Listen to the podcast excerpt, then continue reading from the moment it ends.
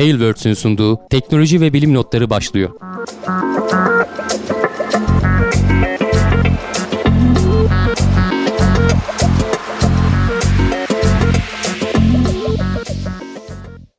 Teknoloji ve bilim notlarına hoş geldiniz. Ben Hamdi Kellecioğlu, Cevdet Acarsoy ile birlikte geçtiğimiz haftanın öne çıkan bilimsel konularını değerlendireceğiz. Herkese iyi bayramlar diyelim tabii değil mi Cevdet? Evet iyi bayramlar. Nasılsın Hamdi abi? İyiyim sen nasılsın? Nasıl geçiyor senin bayramın? İyi ben de buradan Zoom'lar ailelerle biz, biz işte. de buradan öyle yani hani senin Hollanda'da olman bir şeyi değiştirmedi herhalde bu sefer. Benim Herkes durumu uzaktan eşitledi. eşitledi, evet, herkesle aynı durumdayım ben de. Ee, uzaktan e, telefonlarla falan vesaireyle bir şekilde herkes halletti. Hala da devam ediyor sokağa çıkma yasağı. Yarın da devam edecek. Bayram süresindeydi zaten. Ondan sonra bir normalleşme falan olmasını bekliyoruz artık. Ee, aslında ben merak da ediyorum nasıl olacak. Ee, herkes gibi biraz da tedirginlikle. Hı hı. Ee, şeyle bu, bugün Can yok bu arada aramızda. Ee, bayram nedeniyle e, ailesinin yanına gitmiş. Ee, farklı Bayram bir- izni aldı. Evet farklı farklı bir şehirde değil hani aynı şehirde onu söyleyelim.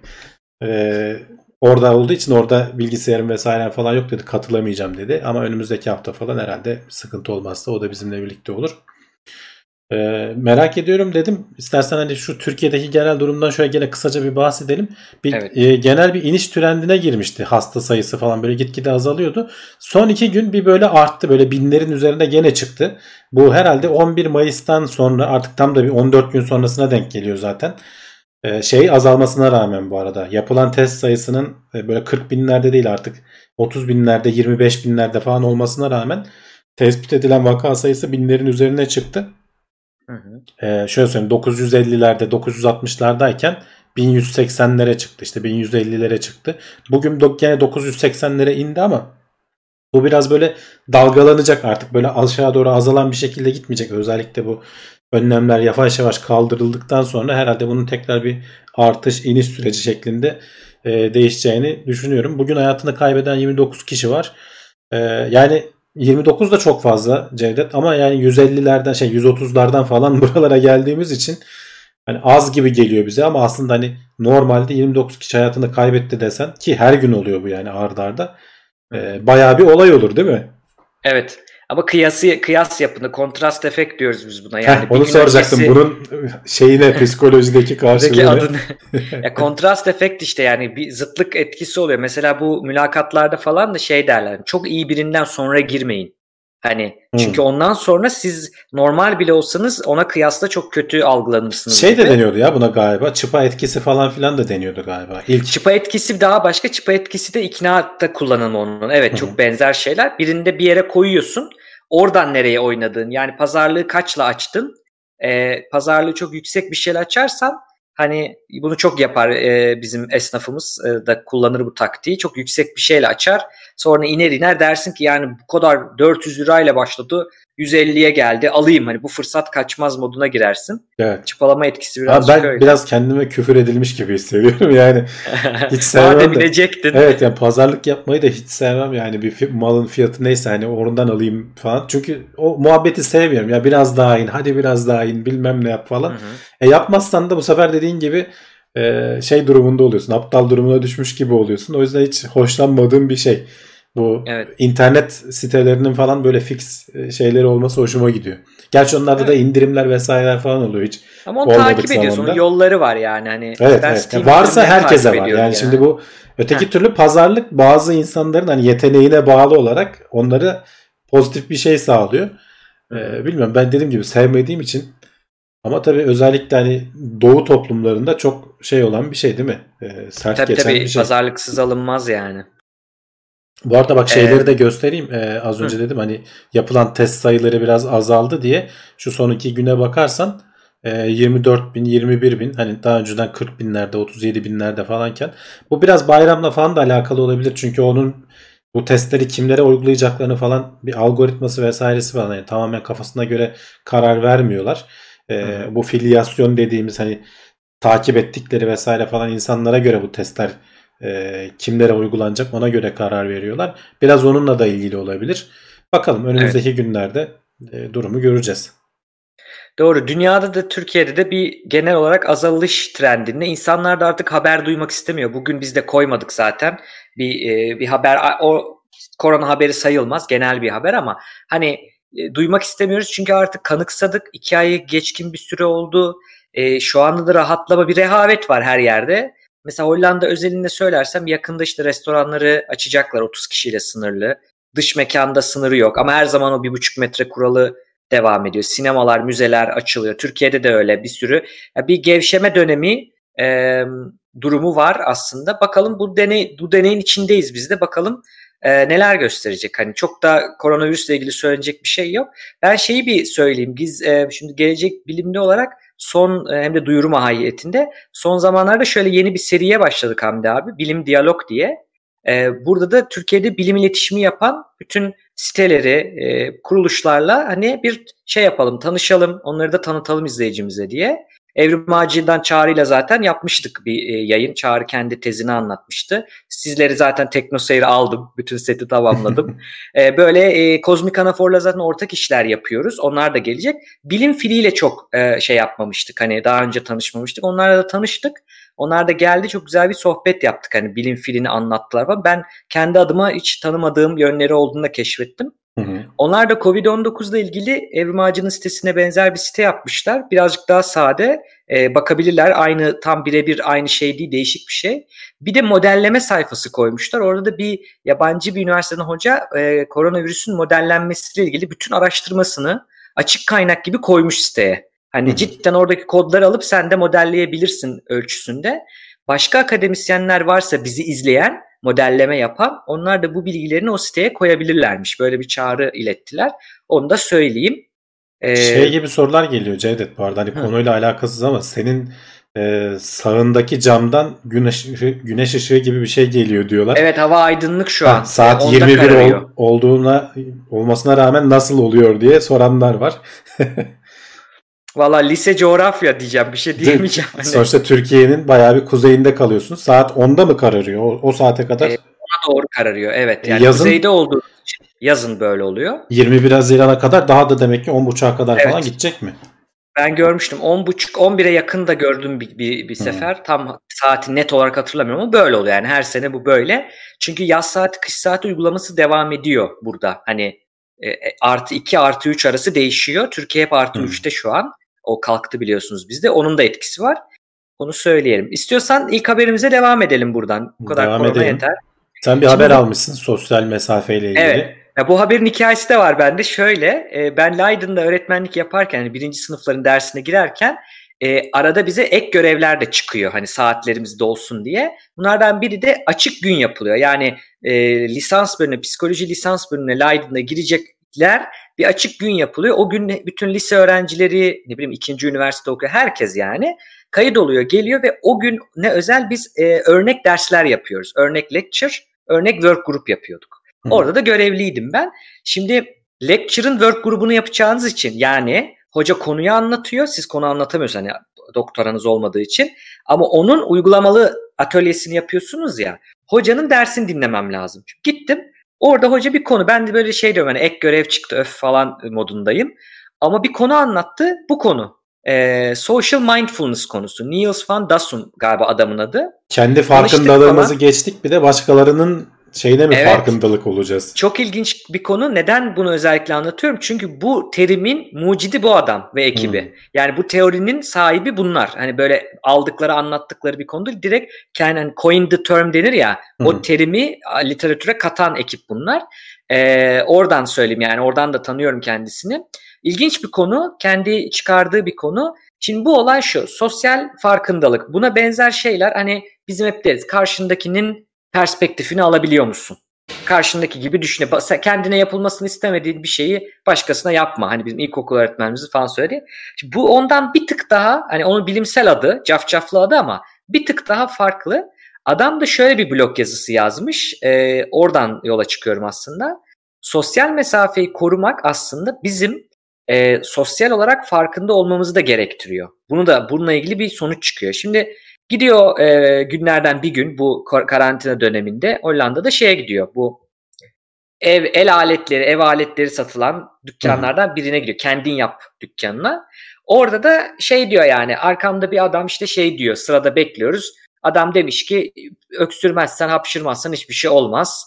E, Bu sorun değildir korona Ya gibi adam bir biraz yakınında takılmış. durmuş benim anladığım Ha, kadarıyla. bir de yakınında duruyor evet. Ee, bu da onu uyarmış herhalde. Adamda da şey tepkisi olmuş. Ne olacak ki öksürmüyorsam o kadar da sorun değil falan gibi bir Evet. bahane öne sürmüş benim anladığım kadarıyla. Türkiye'de falan da bayağı sık yaşanan bir şey. Yani benim çevremde de herkes söylüyor.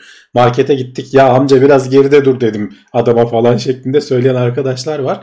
Ee, insanlar alışmadığı için biraz da Cevdet onunla da alakalı. Evet. Ya şimdi burada tabii kişinin ne düşündüğü çok önemli değil. Çünkü yani öyle inanabilir. O konuya girmiyoruz burada. Hı. Burada adamın dediği şu. Ya burada şöyle bir ilginç var. Bu sosyal farkındalık kavramını anlatmak için şöyle bir deney öneriyor. Şimdi bende iki tane siyah, bir tane mavi kalem olsun. Tamam mı Hamdi abi? İki siyah, bir mavi kalem. Ve buradan ikimiz şey yapacağız. Çekeceğiz hani hediye veriliyor bunlar. Hangisini alacaksın? Şimdi iki siyah, bir mavi var ya. Ben eğer oradan e, maviyi alırsam sıra bendeyse ve maviyi alırsam sana aslında bir seçenek bırakmıyorum değil mi? İlla siyahı alacaksın Evet. demek. Ama siyahı alırsam çıkardım hem siyah hem mavi var sana seçenek kalmış oluyor. Bu bile aslında sosyal farkındalıkla alakalı. Yani bunu çekerken buna dikkat edeyim, böyle alayım Hı. demek bir sosyal farkındalık meselesi diyor. Ve bu ölçülebiliyor, bi- bilimsel testlerle ölçülebiliyor diyor. Şimdi burada tabii bunun güzelliği adamın öne sürdüğü tabii her zaman iyilik yapmak için biz bedava yapmıyoruz. İyilik yaparken kendimizden de fedakarlık edebiliyoruz. Ama diyor ki sosyal farkındalık olayları çok az veya hiç fedakarlık yapmayacaksın. Sana hiçbir bedeli olmayacak iyiliklerdir. Ya da farkındalık davranışları. Ben oradan o kalemi alsam ne olur, almasam ne olur? Bana ya çok az ya da hiç etkisi yok. Ama sana orada bir sosyal farkındalık yapıyorum. İşte ya da sırada biraz o. geride durmak kimse için Aynen zararlı öyle. değil değil mi? Aynen öyle. Yani tam sen inanmıyor olabilirsin. Seni zarar vereceğini düşün. Bana, bana gelebilir ve ben istiyorum bunu. Hani ben bundan söylüyorum. E, geride durman senin için hiçbir ya da çok az bir e, sıkıntısı var. Hiçbir sıkıntısı yok. Hı hı. İşte burada sosyal e, farkındalık meselesi devreye Ya giriyor aslında, aslında. onun farkındalar zaten. Hani onun e, o kişiye hiçbir zararı olmayacağını ama şey yapıyor. Uyarıyı aldığı zaman hani bir savunmaya geçiyor hemen. Ya aslında bir Evet. şey olmaz yani. Hani bir hata ettik ama hani fazla da uzatmayalım falan şeklinde bir Evet. hava Çünkü oluşuyor sen orada. geri dur demem birine bakın dikkat edin bunu sen geri durur musun demem böyle bir kural var genel geçer bir kural ve sen buna uymuyorsun yani sen yanlış yapıyorsun alt cümlesi var orada. Bunu söylediğinde tabii ki çoğu insan e, Hele bir de toplum içinde işte etrafta evet, başkaları falan içinde da varsa. toleransı da düşükse yani şey yapıyor ya tersliyor ya çünkü orada yanlış olmak yanılmış olmayı kabul etmek istemiyor. Evet. Ama burada şöyle bakarsa ben yanılmadım da bu biraz pimpirikli biri. Ben uzak durayım. Onun istediği olsun. Bana bir zararı yok demek aslında daha kolay verilebilecek bir karar gibi. Ya da baştan burada. işte e, böyle bir şeyler falan söyleniyorsa hani zaten televizyonlarda falan biraz ekstra dikkat edeceksin ama tabii bazen insanlar hani benim de başıma geliyor. Alışkanlık hani çoğu şeyi artık bu reflekslere yerleştirmişiz. Omuriliğimize yerleşmiş. Farkında olmadan yapıyoruz. E, bu alışveriş vesaire falan gibi konular da öyle. Özellikle dikkat etmeyi bir an için işte kafan dağılırsa falan sen de gerçekten sıradaki adamın arkasında yapışmış bulabilirsin kendini. Dikkat etmek zor yani biraz. Onları da anlıyorum ama e, sırada şey yapan tepki gösteren adamın da durumunu anlıyorum. Biraz alışma meselesi. Hani bu bütün davranışlarımızı değiştiriyor dedik ya geçen hafta konuştuk. Ya- Yapay zekaların ölçüm mantığını bile değiştiriyor. Çünkü hepimizin davranış şekli değişti. Ee, korona yapay zekalarda zor durumda bırakıyordu. Yani geçen hafta izlemeyen izleyicilerimiz ilk haberlere bakarlarsa bulurlar. Hı. Orada da bunu konuşmuştuk. Evet. Başka etkilediği şeyler de var. Ee, istersen sıradaki habere geçelim. Senin söyleyeceğin bir şey yoksa. Yok yok. Geçebiliriz. Ee, kömür endüstrisi e, bu koronadan dolayı e, artık tabutuna son çivi de çakılmış olabilir diyorlar. E, çünkü hani gitgide azalıyor kömür kullanımı. E, buradaki veriler daha çok Amerika ile ilgili tabii ki. Amerika'nın e, kurumlarından alınmış veriler ama dünyanın başka yerlerinde de e, her ne kadar Çin, Hindistan falan gibi gelişmekte olan yerler bu kadar olmasa da genelde eğilim bu yönde olacak. E, çünkü şöyle gerçekler var. Bir yenilenebilir zaten haberde de ondan bahsediyor. Diğer yenilenebilir kaynakların maliyetleri ciddi anlamda ucuzladı. E, artı doğalgazın ve işte petrolün maliyeti de ciddi anlamda ucuzladı. Bu konuşuyoruz ya o firmalarda batmak üzereler vesaire falan gibi. Hı hı. E, e, bunların hepsi dolaylı yoldan gelip hem üretim de azaldı bir yandan enerji ihtiyacımız da azaldı. Geçtiğimiz yıla göre daha az enerji tüketeceğiz bu yıl. Tüketiyoruz da zaten şu anki aylar karşılaştırıldığında. İşte bunların hepsi üst üste eklendiğinde diyorlar ki e, kömür endüstrisi bu korona etkisinden tamam bir miktar kullanım oranları tekrar artacaktır. diyor. Şöyle ekranda grafikleri var. En az kullanım oranına 2020'de ulaşılmış. Tekrar biraz artacaktır ama hiçbir zaman eski yıllardaki gibi olmayacak. Hem e, bu yenilenebilir kaynakların işte bu rüzgar türbinlerinin, güneş panellerinin falan e, kapasitelerinin artması hem de e, maliyetlerinin düşmesi e, bu konuda çok etkili olacak. Gitgide azalacak. Bunun niye önemi var dersen kömür e, havayı en çok kirleten şey. E, %25 mi diyordu? Bayağı bir e, galiba e, şey gibi bir istatistik hatırlıyorum ben. Hani yılda e, kömürden dolayı erken ölümlerin sayısı 800 bin falan gibi bir rakamdan bahsediyorlar. Hani hava Hmm. kirliliği falan vesaire daha da fazla. Kömürden kaynaklanan sadece kömürden kaynaklanan e, şu anda koronadan hani hayatını kaybedenler 390 mı 400 bini bulmadı yani.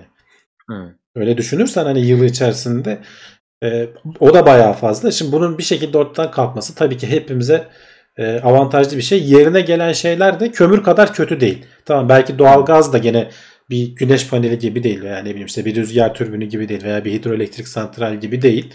Tabii. Ama kömürden daha iyi. E, ve şu anda maliyetleri e, kömürün de işte altına indiği için onlar tercih ediliyor diyorlar. Korona pek çok şey değiştirdiği gibi burada da yani bu endüstride de böyle bir sonuç ol- oluşturabilir.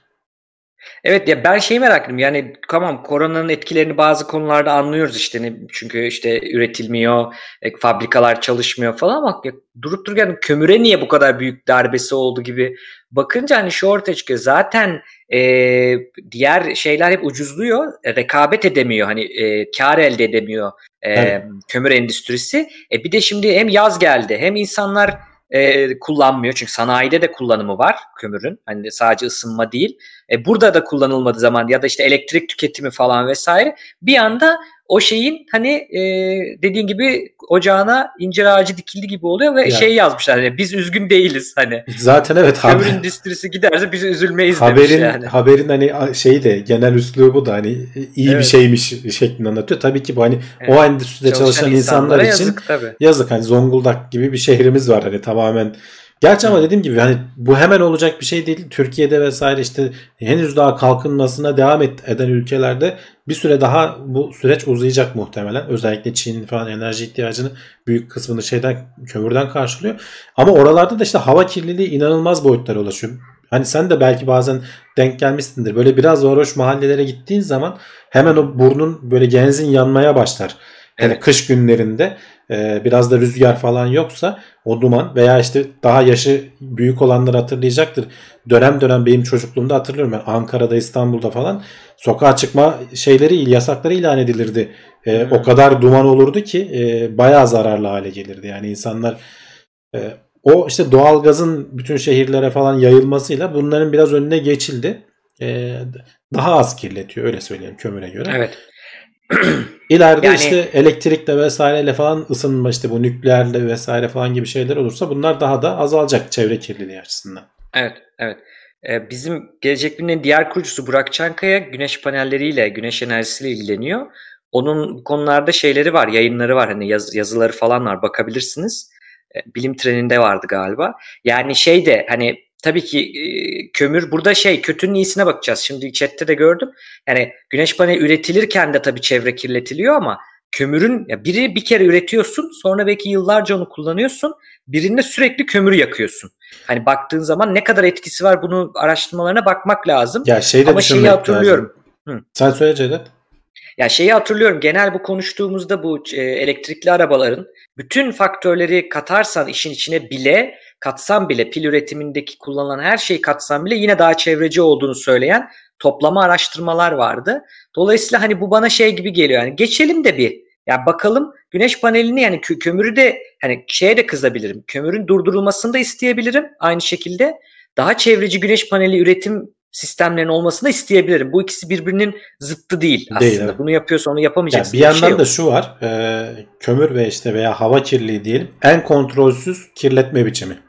Yani bacadan salıyorsun Evet. atmosfere ve gidiyor tamamen. Yani doğru düzgün kontrol etmiyorsun. O filtreler falan bile biliyorsun bizde hala tartışma konusu. E, ama diğer nispeten işte bu şeyin e, güneş panellerinin üretimi olsun veya işte nükleer santraller olsun bunların atıklarını falan kontrol etmek e, daha kontrollü süreçler. E, Hı hı. belki hani bazı açılardan falan daha zor olabilir falan ama yani atmosfere tamamen kontrolsüzce salmaktansa e, onları çıktığı kaynaklarda kontrol etmek daha kolay. Yani nükleer yakıtların nükleer yakıtın e, şeyi düzgün ülkelerde kastediyorum. Hani şey yapmıyorum bazı çünkü e, vukuatlar var ama düzgün sistemlerde nükleer yakıtın o e, şey kısmı ya ne der kullanıldıktan sonraki kalan kısmı acayip önemli böyle mezarlıkları falan var. Dikkatli şekilde yani depolanıyor vesaire toprağa karışmaması için ve hatta bu Bill Gates'in Bill Melinda Gates vakfı bununla ilgili şey çalışması var yani o sizin çöp diye attığınızdan daha da fazla elektrik üretebiliriz, devam tekrar kullanabiliriz Evet, gibi bir evet. şey var. O öyle bir belgeselin son bölümünde vardı o. Ya o çok ilginç bir şey çünkü diyor ki yani benim yeni uranyuma ihtiyacım yok diyor plütonyuma. Çöplükten kullanarak diyor 10 yıl falan diyor enerji sağlıyorum Amerika'daki şehirlere diyor. O kadar büyük bir yeni bir şey kullanmışlar yani sistem kullanmışlar. Eee, çok ilginç bir durum aslında. Evet. Buradan öteki habere doğru biz uçuşa geçelim. Çayı biten varmış. Çayını alsın orada bir oyalıyorum. Ee, şimdi e, buradan artık uzaya çıkalım. Koronanın etkilerini konuştuk. E, bu önemli bir e, mihenk taşına şahitlik edeceğiz gibi duruyor ömrümüz içinde. O da e, hep konuşuyoruz. İşte Demo 2 görevi SpaceX'in e, ilk defa insanları yani gerçek insanları iki astronotu uz- uluslararası uzay istasyonuna götürecek aracı ve gelip iki iş 2011'den yapan- sonra ilk Evet. defa tabii hani uzun bir aradan sonra. SpaceX'in diyorum bu arada. Ha, SpaceX Amerika'nın demedim. evet, Amerika'nın evet, 2011'den sonra kendi toprağından ilk defa gidiyor. Zaten Launch America falan yapmışlar orada milliyetçiliğe iyice böyle e, Seçim yaklaşıyor etkinliğin adı onlarda da falan. tabii. Tabii tabii. Amerika'yı launch ediyoruz falan bilmem ne. Ama yani bakıldığında bir özel bir firmanın tabii ki NASA'nın da şeyleri vardır ama hani NASA'nın ihale ettiği bir şey baktığımızda çok önemli. Barış Özcan'ın çok güzel bir videosu var bununla ilgili. Tavsiye edelim sonradan bakmak isteyenler için. Bunun detayları nedir Hamdi abi? Daha yeni detaylar Şimdi geldi artık- biz en son artık. İşte artık iki, iki gün sonra tam bu saatlerde e, şey olacak fırlatma olacak. E, çarşamba günü 23.30'da galiba yanlış hatırlamıyorsam.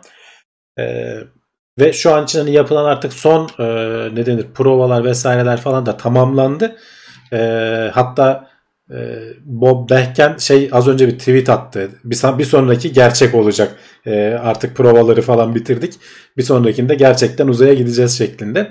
E, Hı hı. Yani artık gün sayıyorsun. Hani NASA falan olan, olumlu bir şekilde hani hava şartları falan da şu an için olumlu görünüyor. Ama biliyorsun hani bu işlerde atmosferin katmanlarına bile bakıyorlar. Hani belli yerlerde belli hızları aşmaması lazım. Son anda son 2 saat kala 1 saat kala fırlatma iptal edilebilir. Her an her şey olabilir. Ama çok da hani birkaç gün sonra falan tekrar yenilenecek şekilde artık hani bunun şeyi geldi. Ee, zamanı geldi. Daha da fazla gecikmeyecek. Ee, inşallah hani kazasız belasız olur. Biz de merakla bekliyoruz bakalım. Ee, şeyleri falan geçtiğimiz hafta konuşmuştuk. Hani bu Crew Dragon'un e, süresi e, bu demo görevi dedik ama çok kısa sürmeyecek. Bayağı Hatta güneş panellerinin durumunu konuşmuştuk. Evet evet Çünkü o şeyin üzerindeki şurada bak hatta şu arka kısımdaki servis modülü kısmındaki e, bir tarafı bunun güneş paneli şu üst kısımlar alt kısımlarda işte soğutmak için kullanılıyor. E, oraları e, güneş panellerinin işte atmosferde bulunan serbest oksijen e, atomlarının zarar vermesinden dolayı süreyi o belirleyecek diyorlardı. 110 gün 119 gün falan gibi bir şey yok. Normalde 210 güne kadar uzayacak. E, ben bu arada e, bugün içerisinde bir şey paylaştım. E, bir ISS'e kenetlenme simülasyonu buldum. E, SpaceX Hı. sitesinde şey yapmış. E, bir denesinler. Hani bu işin e, Ne o kadar, kadar zor. Evet yani basit bir şey aslında hani e, ama işte her eksende hareket ettiğin için 3 eksende hem dönebiliyorsun hem şey yapabiliyorsun. E, Ve şöyle bir sıkıntı var. Dünyada bir hareket yaptığında sürtünme seni yavaşlatıyor ve Hı hı. bizim beyinlerimiz buna çok alışkın. Yani bir hareket yaptığında onu yavaşlayacağını da bekliyorsun. O hareketin sonsuza kadar sürmeyeceğini. Burada sürüyor. Yani tık yapıyorsun E, gidiyor. Öyle, durdurmak için ters yapman gerekiyor. Şimdi Bak tam, tam kenetlenme şeyinin karşısına getiriyor seni. Sonra biraz seni aşağı sağ aşağı doğru kaydırıyor. Yani öyle çok karmaşık bir yerden de gelmiyorsun. Ondan Tabii. sonra işte sağdaki soldaki kontrollerle hem işte dönmeyi, e, aşağı yukarı eğilmeyi, işte sağ aşağı yukarı hani hafif de hareket edebilirsin. Bunların İngilizce isimleri var şimdi hani izleyicilerimiz bilmeyebilir diye söyleme Hı. şey yapmadım. İşte pitch, yav, roll falan diye geçiyor ya. Hı. Ee, sağa sola hareket etme işte bunlar üç eksende olduğu için kafanı karıştırabiliyorlar. Biraz da sabırlı olman gerekiyor. Hafif, hareket, hafif hareketler yapman gerekiyor. İşte Evet. o insanı bayağı şey yapıyor, yoruyor yani. Ee, Peki bunu otomatik yapmayacak mı bu araç? Bu- bu araç otomatik yapacak. Otonom Tabii, tabii. yapmıştı. bu da. Hatta bu bu kanada arma da gerek yoktu. Bu Kanada'nın yaptığı robotik kol normalde gelenleri oraya tutuyor ve kenetliyor. Burada o kol olmadan bile demo bir görevinde hani içine Tabii, manken tabii, koyduklarında kendi kenetlenmişti zaten. Tabii zaten bunda da öyle olacak. Hatta zaten şeyin içerisinde falan gördülerse belki internette fotoğraflarını görmüştür. Çok az Hı hı. şey var. Ee, kontrol Gerekirse manuel var. devre Evet. alacaklar bunu. Ee, orada yani aracın her şeyi otonom çalışıyor zaten. Ama gerekirse tabii ki astronotlar devreye girip şey yapabilecekler. Ee, yani kenetlenme falan otomatik olacak ama işte şeyi güzel. Yani elle de yaptığın zaman ne, ne kadar aslında o işlerin kolay olmadığını. Tabii ki bir Kerbal Space program gibi hani karmaşık ayrıntılı falan değil. Ee, onu oynayanlar bilirler. Orada daha da zorlanıyorsun. Otomatik şeyleri açmadığın zaman, o thruster'ları açmadığın zaman RCS thruster'lar mı deniyordu? Onları açmadığın zaman yönünü bulmak falan ne kadar zor oluyor. Ee, burada da on, o şekilde şeyi söylüyorum işte uzay filmlerinde e, Gravity de vardı galiba işte e, veya Mars Martian da vardı, Marslı da vardı. E, yangın söndürücüyü fıslatarak böyle kendini istediğin yere Ya, evet evet doğru. İkisinde de vardı galiba öyle bir şey hatırlıyorum. O, yani o kadar öyle kontrolsüz e, püskürtme yapan bu thrusterların falan çok böyle şeyleri hassas yani o püskürtmelerin açısı vesairesi falan hassas. Onu kontrolsüz bir şekilde yaptığın zaman hele bir tane tek bir taneyle falan e, yönünü bulman uzayda falan şey değil. Öyle azıcık bir kuvvet uygulandığı zaman dönmeye başlıyorsun ve oryantasyonunu kaybediyorsun. Yani tamamen kendini kaybediyorsun. Hani o astronotların bir böyle şeyi vardır ya eğitimlerinde görmüşlerdir. E, her yöne döndürüyor seni.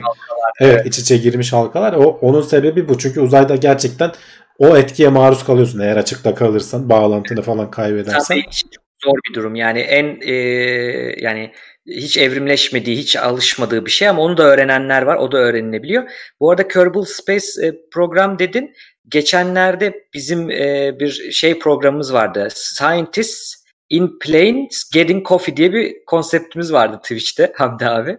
Bu şeyin Jerry Seinfeld'in Comedians in Car Getting Coffee diye bir şey var. Arabaya alıyor birini kahve içmeye gidiyor. Sonra onun Türk, Türkçe'de çok taklitleri de yapıldı benzerleri. Hı hı. Biz de taklit ettik ama biz de şeyden yani uçakta simülatörde gidelim bilim insanlarını alalım. Oradan e, ODTÜ Merkez Laboratuvarı'na Sedat Canlı hocamızı almıştık fizikçi. E, o da dedi ki gel ben de seni uzaya götüreyim. İadeyi e, ziyaret program olarak dedi ve Kerbal Space e, oynadık onunla. Tabii şeyini de yani oynadık derken e, hatta GB1 GB1 diye ismi verdik böyle programın adına. Beşinci rokette gidebildik. Hmm. İlk dördü meta gitti onlar. E, onları da e, şeylerini anlattı tabii bize bize. Hani yörüngelerini, e, perihelion, ap- apelion falan o noktaları vesairesini e, şeyi çok güzel anlattı. Kaydı var YouTube'da bakabilirler. e, Tekno Seyir'i de biz de incelemiştik. Bir ay görevi yaptığımızı hatırlıyorum. Son anda inememiştik gerçi. Ayın yüzeyine çakılmıştık şey gibi. Ee, Hindistan'ın uzay aracı gibi olmuştu sonumuz ama e, kolay değil yani. pahalı. Ya, yok yayında ağlamadık. Olur böyle şeyler dedik. O para harcamadık. Cepten milyon dolarlar çıkmadı tabi. Ee, şeyi anlayabiliyorum yani Hindistan Uzay Kurumu'nun başındaki e, beyefendinin durumunu anlayabiliyorum. E, ama orada da zaman harcadık mesela. Bir buçuk saatimizi falan harcadığımızı hatırlıyorum ben. Onu küçük küçük yörüngeye sokuyorsun. Sonra işte ufak hareketlerle indirmeye çalışıyorsun. Onun çok daha kısası işte bu e, ISS'e kenetlenme simülasyonu. Hani en fazla 10 dakika falan sürer uğraşman. E, onu da acele edersen zaten beceremiyorsun yani. Bu arada bu uçuşla ilgili şeyi söyleyelim. Ben onu soracaktım sana. Yani dokunmatik ekran şart mı? Ya ben iki şeye Ya, sıkıntılıyım. Şart değil. ekrana kıyafetleri bana şey geliyor yani hani film e, aksesuarı gibi. Cidden o o İşte kıyafetin o SpaceX dokunuşu dediğimiz. e, SpaceX dokunuşu o işin. Yani e, Tesla'ların falan da içinde paneli kaldırdılar tamamen. Her şey dokunmatik. Artık işte yeni bu yüzyılda bu böyle olmalı diyorlar. Ama mesela önümüzdeki aylarda inşallah bir sıkıntı olmazsa Boeing'in aracı da gidecek Starliner. O mesela daha eski bir yaklaşım tercih etmiş. Her şey manuel kontrollü. E, düğmeler vesaireler falan onun için daha hakikaten eski görünüyor. E, şey kadar karmaşık değil tabii ki o e, neydi? Uzay mekiği kadar karmaşık değil onun kontrolleri ama e, SpaceX'inki kadar da rahat değil. E, ya yaklaşım farkı dediğim gibi eğer çalışıyorsa e, ve manuel kontrolü de mutlaka izin veriyordur zaten. Hani öyle olmasa NASA ona onay vermez. E, ama çalışıyorsa hani bilgisayar hallediyorsa bırak zaten o işini halletsin. E, sen Yani- otur keyfine bak. da büyük böyle hani nasıl dokunuyorlar ağır ağır falan.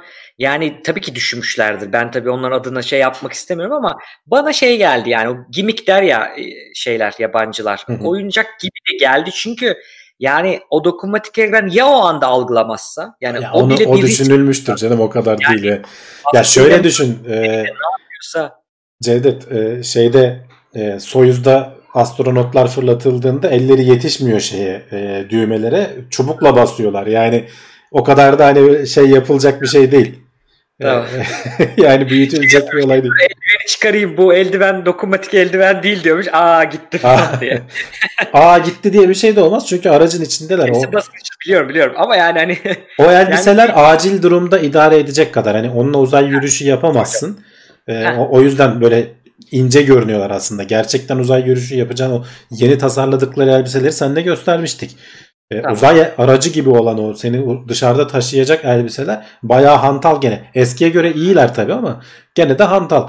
Bunlar basınç değişirse bunlar anladım. evet bunlar seni idare ediyor. Hani geminin evet bir basınç kaçağı olur bir şey olur. Bir süre seni idare edebilecek kadar e, bir hayat desteği sağlıyor. Özellikle de işte o fırlatma anda falan o kaskı Evet. falan sonra çıkarıyorlar zaten.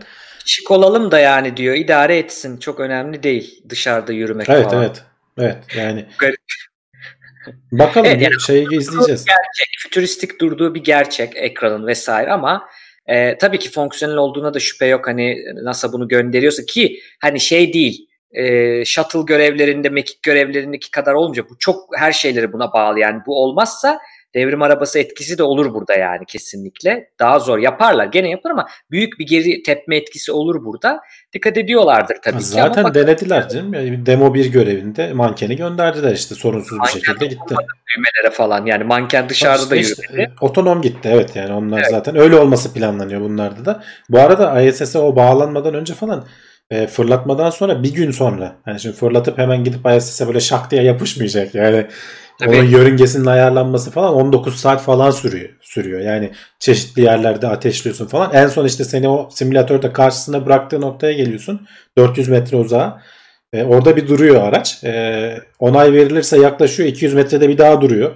Onay verilirse yaklaşıyor 20 metrede bir daha duruyor. Ondan sonra onay verilirse yavaş yavaş yaklaşıp kenetleniyor falan. Yani sen işte ISS'e zarar vermemen lazım. Milyarlarca dolarlık şey var orada. ISS de şeyde uzayda duruyor yani ona yaptığın etkinin bir tepkisi var. Onu dikkat etmeleri gerekiyor yani. Tabii. Ben şey duymuştum ISS'teki bir videoda e, bir astronot gezdiriyordu.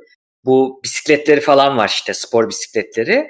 Bunları direkt duvara bağlamıyor. Yani onlar böyle havada hafif havada böyle bağlı ama iple bağlı. Onunla havada çeviriyoruz diyor ve onu anlattığının sebebi hani böyle çok nasıl diyeyim ya da halter yapıyorsun bir şey böyle pat pat pat vurduğun rezonansa sokacak bir şeyi gövdeye bağlamıyoruz diyor. Çünkü o rezonansla Hmm. şeyin ucundaki güneş panelleri titreyip kırılabiliyormuş. Yani o kadar hassasiyet var orada. Hani gidip gidip çarpma durumun olmaz. Buna tabii ki dikkat edeceklerdi. Bu arada bu konuyu da bu kadar geyik ele alan herhalde yoktur. Ama yok bilimsel olarak haftalarca ele aldık zaten. Burada ben hani o iki konuya takıldım açıkçası. Bakalım Ya çok da geyik değil canım. Ga- gayet akla gelen soruları sorduk yani. Ne var bunda? Doğru doğru. Hayır yani buralarına odaklandık. Buradan Ya şeye şeyler geçelim. o ilginç bana şey geliyor. Yani senin çok fazla bir olaya etkin olmayacak. Yani öncesinde de bir 3-4 saat önce biniyorlar kapsüle. İşte hepsinde toplamda 24 saat sen o kapsülde böyle yatıyorsun yani bekliyorsun aslında hiçbir şey yapmadan. Evet, evet. Yani o astronotlar açısından e, tamam uzaya gidiyorsun hani böyle heyecanlı bir durum var ama Açıp kapasaydım. Ben de o kadar eğitildim yıllarca. ya bir şeylere basıyorlar evet ama yani o kadar da etkileri yok. En fazla işte iletişim falan kuracaklar herhalde nasıl gidiyor Boş falan boş şeklinde. O YouTube'da böyle konu anlatanlar var. Boş kaldıkça sağ tık yenile yapıyorlar masa üstüne. En şey yaptığım, takıldığım şeylerden biri de o. Onlar böyle boş kaldıkça ekrana sleep moda girmesin diye ekrana dokunuyor. Şey gözüksün hani PR falan. Bu arada bir dizi tavsiye edelim. Dur Artemis'i konuşalım. Bu sonrakini ondan sonra tavsiye edeceğim. Daha güzel. Ee, bu SpaceX ilgili var mı bekleyeceğin Yok abi? başka bir şey yok. Tamam. Bunu e, bakacağız. Belki bir sürpriz canlı yayın da yapabiliriz. E, atlı, atlı, atılışı, fırlatılış izlediğimiz ama emin değiliz. Takipte kalsınlar. Ne Evet, kadar onu, o- onu duyururuz zaten. duyururuz zaten. Şimdi bu e, 1967 dış uzay anlaşması var Birleşmiş Milletler'in. Çok bu konularda daha önce de konuştuk. İşte bu hatta Starlink uydularının vesaire onlarda da çok konuştuk. Yani uzay kimin malı? Bir asteroid gittiğinde hangi ülkeye ait olacak? Ay'a biri gittiğinde ya da Mars'a gittiğinde sınır çizebilecek mi falan. Bunları aslında 1967 yılının teknolojisiyle düşünülüp bir anlaşma yapılmış ama o artık güncel değil. Değil mi. Hamdi abi? İşimize yaramıyor aslında. Ya yok Çünkü yani işimize şöyle yarıyor. Yaramıyor denmez çünkü hani hala yürürlükte sonuçta. Devletleri Tabii. bağlayan bir şey ama ne konuşmuştuk biz? Özel sektörü bağlamıyor. Orada bir madde bir anlaşmada açık var. Özel sektörü bağlamadığı için herkes oraya saldırıyor demiştik. Hı hı. Yani o var ama bir de şey de var ne bileyim asteroide gidip birinin alacağı düşünülmemiş. Öyle şeyler de var aslında yani eee, boşluklar loophole derler ya yani Hı hı. o yasal boşluklar da var kullanılabilen. Şimdi eee NASA'da bununla ilgili Artemis Accords nasıl çevireceğiz Türkçe'ye? Akort işte bildiğin akort ama enstrüman akord edilir ya. Uyum, uyum, uyum sağlayalım diyor. Artemis uyumlu uyumluluğu veya Artemis anlaşmaları falan diyebiliriz. Hani Hı hı. bizimle beraber çalışacak. NASA şimdi kendi gidecek ama beraberinde hani pek çok ortak e, uzay ajansıyla bu işi veya işte şirketle bu işi bu. Ortaklaşa gidelim. Evet yani tü- tam Türkçesi mutabakat doğru evet. Ama hani şeyi de düşünsünler hani akort dediğin hani enstrüman akord edersin aslında uyumla orada da bir mutabakat Diğer sağlarsın. Evet aynen. A- aynı mantık aslında burada da. NASA böyle bir e, şey yönergeler seti yayınladı diyelim veya işte ne bileyim bir prensip anlaşması gibi bir şey yayınladı. E, orada da işte belli başlıklar var. Hani daha e, şöyle NASA'nın şeyinden açayım. E, daha işte hani barışçıl e, ve işte zengin refah dolu bir gelecek için falan şeklinde şey yapmış. Bizimle çalışacak olan ülkeler ve e, özel firmalar bu, bu, bu başlıklara dikkat edecek diyor. Bir kere diyor barışçıl olacak diyor senin yaptığın şeyler, e, projeler. E, saydam olacak diyorsun. Hani her şey şeffaf olacak. Yani bütün şeylerin kontrol edilebilir olacak. E, interoperability e, birlikte çalışabilelim. Yani ortak standartlar geliştirelim. Senin kapağın bana uymadı. Ay dur sana kenetlenemedim muhab- muhabbeti olmasın. iPhone şarjı olan var mı falan. Ha, diye. evet yani şarjım e, şarjım bitti. Seninki bana uymuyor muhabbetleri olmasın. Ortak ve açık standartlar üzerinden çalışalım diyorlar. Acil durumda birbirimizi destekleyelim. Hani birinin başına acil bir şey gelirse hemen devletler şey olsun. Şimdi mesela e, denizcilik kanununda falan da var galiba. Hani bir e, sos çağrısı aldığın zaman cevap vermek zorundasın eğer yakınındaysan falan gibi. Evet. Bu da onun gibi şeyler aslında biraz da. Ee, uzay nesnelerini kayıt altına alalım diyorlar. Şimdi her devlet, e, her kurum şeyler göndermeye başladı. Bunlar çok büyük oranda kayıt altında ama hani sen kaydettirmesen de sana yaptırım uygulayacak herhangi bir şey de yok. Hani bunu kaydettirin. Bunlar başımıza bela olacak ileride diyorlar. Kimin nerede neyi var bilelim. Burada bak çok ilginç bir şey. Ee, elde ettiğimiz bilimsel datayı açık kaynak yapalım diyor. Herkese dağıtalım. Yani bu bize özel e, bizim elimizde gizli kalmasın. Burada elde edilen datalar herkese açılsın. Tabii bunların bu başlıkların muhtemelen ince ince ayrıntıları vardır. Burada çok ana başlıklarıyla geçiyoruz ama Dünyalı gibi tabii. işte geçmişteki tarihi şeyleri, mirasları koruyalım. Mesela işte bu Apollo'nun e, Apollo görevlerinin indiği orada bıraktığı şeyler var. Diğer e, işte Rusların e, Böyle tarihi eser statüsünde görün diyor yani. Evet, Hani tarihi eser olarak e, o statüyü alalım ve koruyalım. E, uzay kaynaklarını işte düzgün bir şekilde paylaşalım. Hani kim nereyi nasıl şey yapacak vesaire. Onların e, kullanımını falan belirleyelim, ayarlayalım. Ve işte hani böyle çatışma an- alanlarını falan da bir şekilde çözüme kavuşturalım. Hani o, o aktivitelere girmemeye çalışalım vesaire falan gibi veya girilecekse onun şartlarını belirleyelim. En sonunda bir de hani bizim hep konuştuğumuz işte bu yörüngede bulunan işte çöpler vesaireler, kirliliği falan nasıl azaltabiliriz ve işte şu hala hazırda olanları da nasıl temizleriz? Bununla ilgili e, şey böyle bu başlıklar altında şeyler yayınladılar. Bir e, ne denir? Yönerge seti yayınladı. E, Hı hı. yani iyi bir girişim. E, sonuçta Evet çok iyi ve ihtiyacımız olan bir şey kesinlikle ve hani burada lider demeyeyim de hani en işte bilinenlerden e, medya medya olarak da kamunun gözünde de dünyada bilinen hani uzay dendi, uzay ajanslarına NASA geliyor aklına. canım lider demeyeyim deme de yani çünkü lider yani şimdi adamların ayırdığı kaynaklar yaptığı görevlere falan baktığın zaman hani Ya, evet evet şey için dedim. Farklı kriterlere göre bazı kriterlerle o liderdir bazısında değildir. Hani bakılır. Şimdi kamu kuruluşu olduğu için zaten açık bilime çok önem vermek zorunda. Çünkü açmazsa şey çıkıyor yani. Hani bize ne yararı var? Biz vergi verdik niye yararı var? İşte üniversiteler vesaire. Zaten açık bilim dünyada çok yükselen bir şey. Yani bunu belki bir başka gün detaylı da konuşuruz. Önemli bir konu bu teknolojiyle birlikte. Evet. Bunlar çok anlaşılır. Çok hepsi mantıklı istekler ama bunların her bir maddesinde gelip e, oturup e, uzay ajanslarının ya da dahil olmak isteyenleri çünkü dahil olmak isteyenler geliyor. E, bir arada olması lazım. Şu güzel geldi bana. Eğer nasıl şunu derse bunlara imzalamıyorsan ben seninle ortak çalışmam derse bunun bir yaptırım gücü olabilir. Yani yaptırım derken şöyle bir zorlayıcı gücü olabilir. Çünkü NASA ile çalışmak herkes istiyor. Bir şey. ben öyle anladım Cevdet. Evet, Yazılardan, şey. haberlerden senin dediğin gibi anladım. Ya bu bu çok önemli bir şey. Doğru yapmışlar o yüzden. Hani bu genel kavramlar bunların altı doldurulur, detaylı konuşulur. Şey de çünkü diyebilir. Yani kendin bunu yapmadın zamanında ya da kendin hep yani şimdi ilk giden için ya da tekel olan için bunları söylemek kolaydır aslında ama yani bu da olabilir ama ortaklıkta konuşulduğunda çok önemli bir durum. E, çünkü cidden e, özel firmalarda durumu ama şöyle bir şey unutmayalım. Uzaya gitmek için NASA ile işbirliği yapmana gerek yok. Bu da bir problem. Yani diyebilir ki hani bunların öyle bir konuşulması lazım ki öyle bir yerde seviyede tutulması lazım ki herkesin e, hani ben bu işime gelmiyor senle de işbirliği yapmayacağım kendim giderime gelmemesi lazım. Çünkü o zaman yapacağın hiçbir şey yok aslına baktığında. E, o ince bir ayar ama kesinlikle güzel bir gelişme. E, özellikle bunu ülkeler bazında değil şey bazında yani benimle çalışacak kurumlar bazında yapması işte yani SpaceX'e SpaceX işte neyse Boeing ise Boeing yapması çok önemli. Çünkü tavsiye edeceğim diziyi söyleyeyim. Netflix'te e, gördüm başka yerde de vardır. Bir doku, doku series dedi yani belgesel dizi yarısı belgesel yarısı dizi ve çok daha fazla diğer herhangi bilim kurgu şeyinden biraz daha ayakları yere basan diyeyim. Çünkü belgesel kısmında gerçek bilgiler var. Mars diye bir e, iki sezonluk bir belgesel dizi var. Onu Hmm. izliyorum şu anda. E, orada e, spoiler değil bu. Bir yerinde şöyle bir sıkıntı çıkıyor aslında. E, Mars'a gidiliyor. Bir e, federasyon gidiyor. Yani ülkelerin kurduğu bir federasyonda gidiliyor. Ama sonra tek bir tane özel firma da oraya maden çıkarmaya gidiyor. Ve bir sıkıntı olduklarında aralarında şey diyor ki yani uzay anlaşması var işte treaty var dış uzay anlaşması var. Şeyde diyor ki dış uzay anlaşması devletler için ben devlet değilim bir iki bordromun maaş bordromun işte vergimin kayıt olduğu devlet o anlaşmayı imzalamayan bir devletin sınırlarında benim merkezim. Hiçbir şey yapamazsın bana diyor mesela. Dolayısıyla bir anda böyle iş şey oluyorsun hakikaten yağ oluyorsun.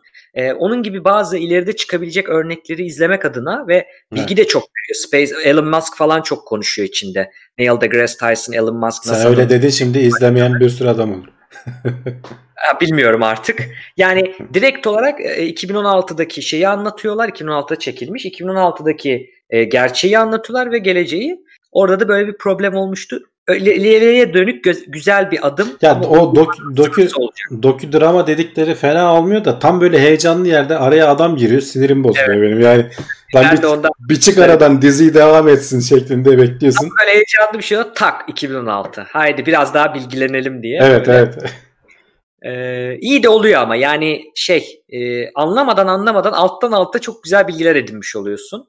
Ee, benim için iyi oldu açıkçası. Tavsiye ederim izlemek isteyenler için e, şey yapalım. Yani bunun da daha çok konuşulacak. Bunun içinde çok fazla uzlaş negotiation denen yani müzakere denen bir alan var psikolojinin altında. Çok yani önemli. Politikanın da altında hem psikolojinin de ortak alanı çok önemli bir alan. Yani nasıl uzlaşacak bunlar? Bir şekilde uzlaşmaları gerekiyor. E, bunu göreceğiz zamanla. Ama ya valla hani şey olmuyor Cevdet işte yani biraz orada güç şeyi falan giriyor. Şimdi NASA'nın ben bu Evet. şeyine falan da iyimserim ama işte Amerika'yı görüyorsun bir yandan da Space Force kuruyor adamlar. Yani şimdi ee, o da Amerikan e, şeyi, o da Amerikan. E, tamam hani bu eşyanın tabiatı derler ya hani bu insanın doğası da böyle. Biz dünyada ne yapıyorsak muhtemelen orada da aynı şeyleri yapacağız. İnşallah biraz daha akıllanmışızdır da e, daha az kazasız belasız atlatırız. O biraz uzayın o e, zor koşulları bunu biraz zorluyor. Yani biraz soğuk savaş gibi. Uzayda çünkü başına bir iş geldiği evet. zaman toparlayamıyorsun yani. Deterrence demiştim ya daha önce bahsetmiştim. Araştırsınlar o kavramı. Caydırıcılık e, bu soğuk savaştan sonra ciddi anlamda büyük savaşların bitmesi, nükleer teknolojinin e, yani gel, geldikten sonra büyük savaşların bitmesini bazı teorisyenler buna bağlıyor. Bununla ilgili büyük bir külliyat var bakabilirler. Deterrence yani caydırıcılık. Burada çok önemli bir şey. E, dediğin gibi yani birbirine muhtaçsın orada ve e, önemli ufacık bir şeyde caydırıcılık olur. Sen şimdi ben e, dış uzay anlaşmasına uymuyorum alırım diyorsun. E senin yarın bir gün hava kaçağın oldu, su kaçağın oldu. Öteki koloniden almak zorundasın. O da ben de uymuyorum derse ne yapacaksın? Yani hep bunların şey düşünmeleri gerekiyor. Ciddi düşünmesi gerekiyor. Ama şunu da unutmamak lazım. Çok hani bunlar uzaya giden insanlar, bunlar eğitimli insanlar, bunlar işte astronot bilmem ne. Hiç önemli değil. İnsan rasyonel bir varlık değil. Ya psikolojinin birinci dersi budur. İnsan rasyonel bir canlı değil. Yani biz insan davranışlarının rasyonel olacağını güvenerek hiçbir iş koymamamız lazım. O yüzden işte birçok sistemde fail safe denen yani hata koruması denen yani bugün dosya siliyorsun emin misin diyor Windows yani en basitinden. Hani bir sürü bunların konması gerekiyor. Çok rezillikler de çıkabilir yani çok e, cazgır hareketler de görebiliriz koskoca astronotlardan ileride. Evet özellikle işte kapalı ortamda falan sıkışık ortamda yaşadıkları zaman psikolojileri evet. ondan bayağı etkilenecek. Hani yıllardır üzerinde çalışıyorlar falan ama ne olacağını gerçekten gitmeden e, pek bilme şansın yok. İşte geçen evet. ISS'te bir delik çıktı da günlerce konuştuk. Kim del falan yani bir de öyle. Uzayda mı açıldı, yerde mi açıldı? İşte astronot oraya koşmuş gitmiş falan arkasından böyle dedikodular falan böyle komplo teorileri. Zaten 6 kişisiniz ISS'te yani yüz yüze bak tam anlamıyla yüz yüze bakıyorsun yani. Aynen. yer yok. Ne dedikodusu arkadaşım yani. Büyüyün azıcık diyeceğim de hani komik olacak. Ama oluyor bu işte bu insan doğası oraya getirmemek ya da sistemi fail safely hata korumalı kurmak diyelim. Ee, bana da şimdi gelecek çok İngilizce konuştum diyecekler. Buradan şeye geçelim e, Hamdi abi bir sonraki haberimize geçelim. Geçen hafta aslında bunu kuliste konuştuk. Dünyanın manyetik alanı yer değiştirdi gibi bir e, durum var. Kimisi bunu cidden bilimsel haber heyecanıyla veriyor. Kimisi de böyle bir e, komplo teorisi edasıyla aa bak e, bir şeyler oluyor dünyanın yer değiştirmiş falan gibi de veriyor. İkisi de aslında değil biz bunu biliyoruz. Manyetik sapma denen bir durum var. Cidden yani pusulanın gösterdiği manyetik anlamdaki kuzey yer değiştiriyor. E, fakat şu farklı olarak bulunmuş. E, bu yer değiştirme hızı artmış. Çok hızlı bir şekilde yer değiştirmeye başlamış. Ve bununla ilgili hala teoriler devam ediyor. E, Danimarka Teknik Üniversitesi'nin araştırmacılar da şunu bulmuşlar aslında. Bulmuşlar değil de bir açıklama getirmişler. Yapabildiğimiz hipotezlerden biri. Diyorlar ki şimdi dünyanın manyetik alanı bizi biliyorsun işte bir sürü şeyden koruyor. Güneş rüzgarlarına, radyasyona vesaire koruyor. Bu nasıl oluşuyor? Şöyle dünyanın çekirdeğinde e, sıcak, sıvıya yakın e, katıyla sıvı arası metaller olduğunu biliyoruz ve bunların döndüğünü biliyoruz. Ve bunlar sıvı metal, sıcak metal daha doğrusu döndüğünde, hareket ettiğinde bir manyetik alan oluşuyor. Bir motor gibi dönüyor ve manyetik alan oluşturuyor. Bunu biliyoruz. Fakat diyorlar ki bu Danimarka'dan araştırmacılar aslında bu tek bir e, homojen bir alan değil. Burada iki tane yarım küre gibi bir şey var çekirdeğin çevresinde. Birine Kanada tarafı demişler, birine Sibirya tarafı demişler. Bunlar birbirine bazen galip geliyor. Son yıllarda Kanada tarafının manyetik alanı daha güçlüydü. Şimdi Sibirya tarafı atağa geçti diyor. O yüzden de hızlandı kayma diyorlar. Açıklamalardan biri. Ya Kanada tarafı Sibirya tarafı denmelerinin sebebi de gerçekten e, 1850'lerde falan yapılan ölçümlerde e, manyetik kuzey Kanada'yı gösteriyor. Ama şu anda Sibirya'ya doğru kaymış durumda. Neredeyse Rus kıyılarına kadar gelecek diyorlar önümüzdeki birkaç on yıl içerisinde eğer böyle devam etmeyi sürdürürse. E, ve bu hızlanmış da görünüyor e, önceki yıllara göre. Hatta biz yine haberlerde konuşmuştuk. Bunun bu GPS e, falan şeylerini doğrulayan e, bir kurum var. E, bu dataları yeniden yayınlayan. Bunlar 5 yılda bir mi ne yapıyorlardı? Bunu 2 yılda bire indirmek zorunda kaldılar. Hata payları çok arttığı için. Evet. Ee, daha hızlı güncelleme yayınlamaya başladılar falan diye konuşmuştuk. Ya tamamen doğal bir süreç. Ee, şey de söyleyeyim hani geçmişte izleyicilerimizden bizi takip edenler biliyordur. Tamamen e, kuzeyin güneye döndüğü zamanlar da var dünya tarihinde. Yani bunun biz nereden O çok biliyoruz? eskilerde ama bizim ömrümüz boyunca Tabii. olmuş yoktur yani. İnsan Yok yok tabii tabii yani milyon senelerden bahsediyoruz. Onları da aynı şeyden biliyoruz. Arkeolojik kayıtlardan biliyoruz. Hani mağma tabakası işte eriyik halde yüzeye çıkınca o demirlerin polarizasyonu e, soğurken kilitlenip kalıyor zaten. Belli bir yöne doğru dönüyorlar. E, orada polarizasyonun güneye bakıp belli bir dönem sonra kuzeye baktığını sonra tekrar güneye baktığını yani onun dönemlerini biliyoruz ve bundan e, biraz kaotik gerçekleşen süreçler. Tam olarak ne zaman nasıl olacağını net bir şekilde bilmiyoruz. Hani böyle saat gibi işleyen bir şey değil. Biraz işte o senin dediğin gibi dünyanın iç, içerisindeki o magmanın çekirdeğin birbirlerine olan hareketleriyle alakalı bir süreç. Ee, tam olarak bilemiyoruz. Günün birinde olacak. Olurken de zaten bu biraz dünyayı koruyor dedik. Ee, bu manyetik alan kuzeyden güneye geçerken o da böyle şak diye bir anda olmuyor. Yani nispeten dünyanın hani şeyine bakarsan yaşına bakarsan evet yani böyle bir parmak şıklatması gibi oluyor da bizim ömrümüze bakarsan öyle olmuyor. Orada böyle bir dalgalanmalar oluyor. O arada işte biraz güneşin zararlı ışınlarının dünyaya daha fazla geldiği, bunun belli dönemlerde işte e, şeyleri tetiklediği, genetik değişimleri tetiklediği, belki evrimsel e, çoğalmaların artmaya yansına neden olduğu falan gibi hipotezler de var. E, bizim hani ömrümüzde denk gelir mi? Belli olmaz. Gelebilir yani böyle bir şey. E, nasıl şeyi bilemediğimiz gibi, depremin ne zaman olacağını bilemediğimiz gibi bunu da bilemiyoruz. Evet. Ama çok uzun süreçler orada olduğu için de muhtemelen de öyle bir şey olmayabilir. Hani istatistik olarak bakarsan çok daha zor. Burada chatte şey demişler işte bunu bunu kıyamet alameti sanacaklar var falan diye. Ya bu bildiğimiz bir süreç. Hızlanmasının da zaten e, Şimdi açıklayan kıyamet alameti dedin de dur sözünü kestim o hemen aklıma geldi. Buradan mesela şeyde olarak yorumlayanlar var. Ee, mesela şimdi Kur'an'da geçiyor ya güneş batıdan doğacak diye. Şimdi Ha. manyetik kuzey güneye döndüğü zaman gerçekten güneş batıdan doğmuş oluyor. O kafayla bakarsan eğer. Bunu Evet, oraya evet. da yorumlayabilirsin.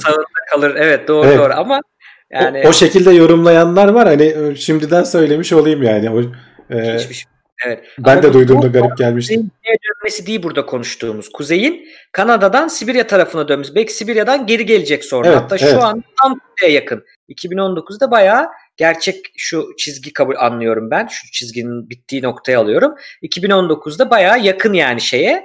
Ee, gideceği yön de belli. Hızlanması da e, açıklama şey hipotezde açıklanmasından biri o. Çünkü yani şey gibi düşünelim mıknatısla hareket ettiğimizde de yani öyle böyle bir yerden sonra yaklaştıkça daha da hızlanır ya. Ben öyle algıladım hani bir mıknatısın polarizasyonun yönlerinin değişmesi gibi algıladım ya da bir yere kayması gibi algıladım. Çünkü yani belki o içteki magmanın yapısındaki hareketlerindeki ufak değişiklikler bize yukarıya çünkü çok büyük kütleden bahsediyoruz. Yukarıya bizim yaşadığımız yere çok büyük değişiklikler olarak da gelebiliyor. Ama neyse ki sadece manyetik pusula kullanmıyoruz. Evet Hani evet birçok- bir izleyicimiz bak söylemiş e, GPS'ler e, manyetik şey kullanmıyor. O söylerken ağzımdan yanlış çıktı. GPS'ler değil de e, pusula kullanıyorlar sonuçta hani şeyler. GPS sistemini de Yani- kullanıyorlar. Mesela kullanmak zorundasın.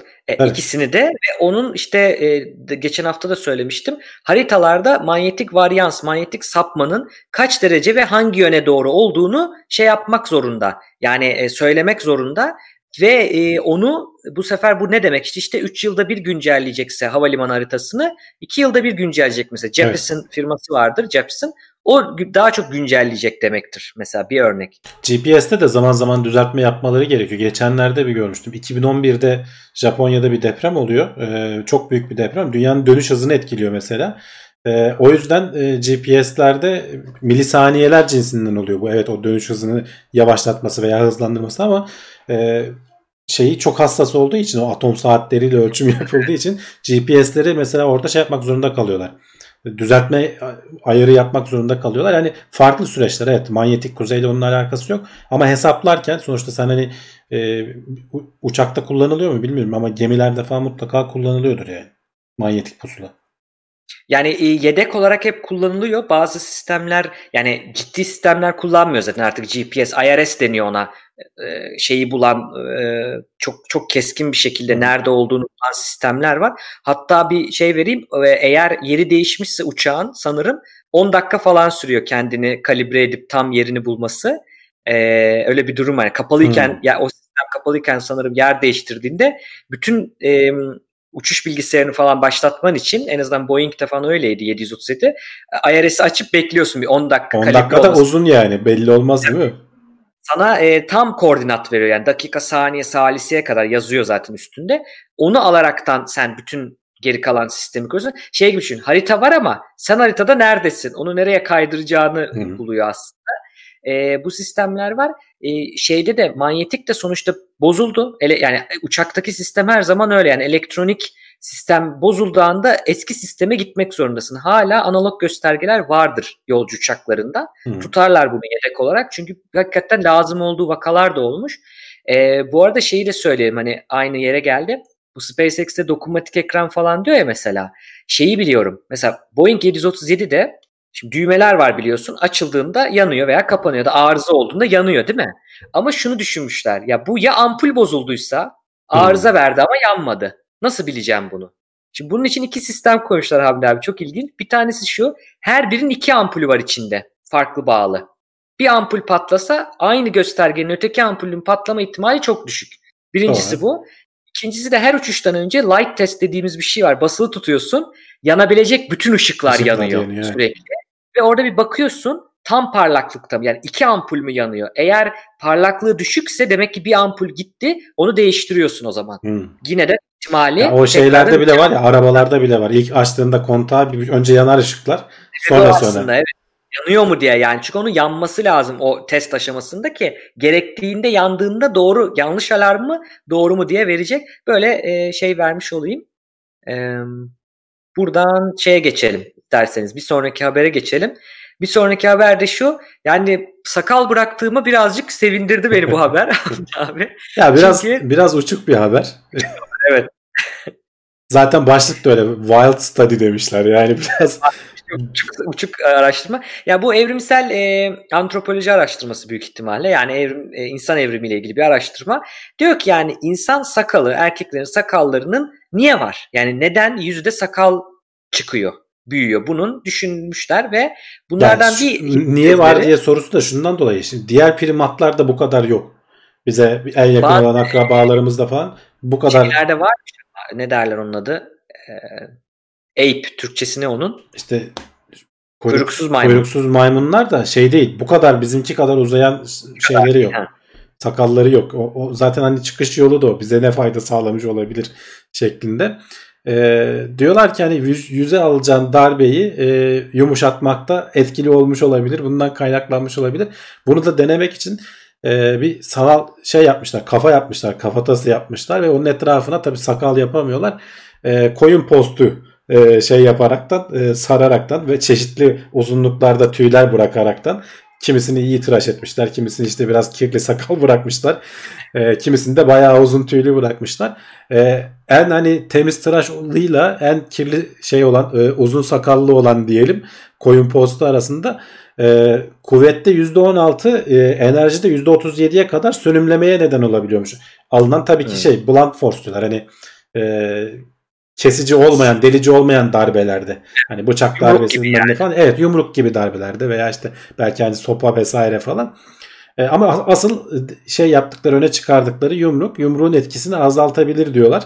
E, ama tabii hani her açıdan eleştirilebilecek bir araştırma. Biraz eğlence olsun, muhabbet olsun diye koydum. E,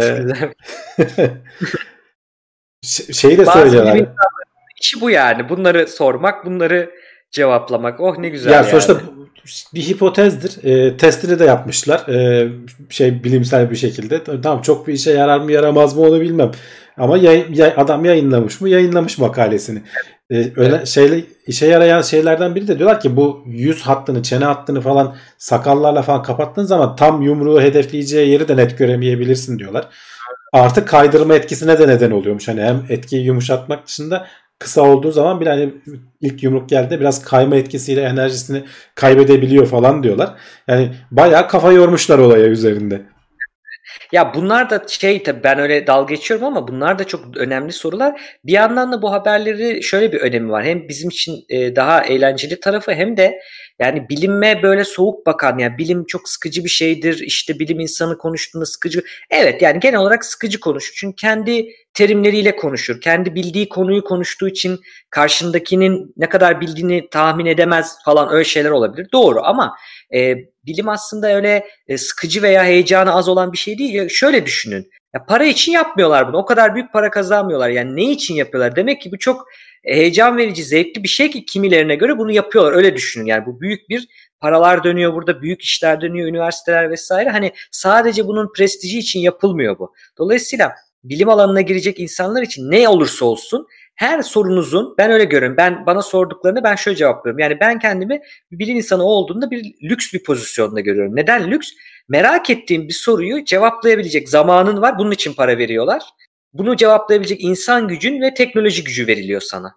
Bu kadar. Yani gene çocuk gibisin ve merak ettiğin soruyu biraz daha tabii sofistike, daha zor. Tabii ki. Daha zor bir soru bu ama bunu cevap arıyorsun. İşin bu. Yani ben işte mesela şu anki işimde migrenle ilgili cevap arıyorum yani. Mesela hani şu anki sorum benim elimdeki deneklerin kaçında migren var, kaçında yok. Daha oradayım şu an. Daha hani bunun sorusunu cevaplamaya uğraşıyorum e, mesaimde mesela. Dolayısıyla aslında bilim çok heyecanlı çok da zevkli bir iş olabilir sevene göre. Herkes yapmak zorunda değil bu arada ama ona da vermiş oluyor bu tarz araştırmacılar. Bunlarla uğraşan bilim insanları var. Onu söyleyeyim yani. Evet. Bize de zaten zaman zaman konuk oluyorlar çok değişik şeylerle uğraşan. Değil mi? Evet. söylüyoruz yani e, o şekilde. Buradan da son habere doğru geçelim. Bugün biraz havacılık ağırlıklı oldu. Aslında ben bu hafta Can abi gelecek zannediyordum. E, o yüzden aldım bu haberi.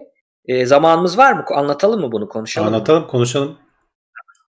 E, şimdi şöyle hikaye anlatacağım arkadaşlar. Bitti haberlerimiz öyle düşünün. Arkanıza yaslanın. Hikaye dinlemeye başlayalım. E, bir varmış de, bir yokmuş diye. Bir varmış bir yokmuş. Evet Hamdi abi de resimleri gösterecek. Bir Boeing varmış.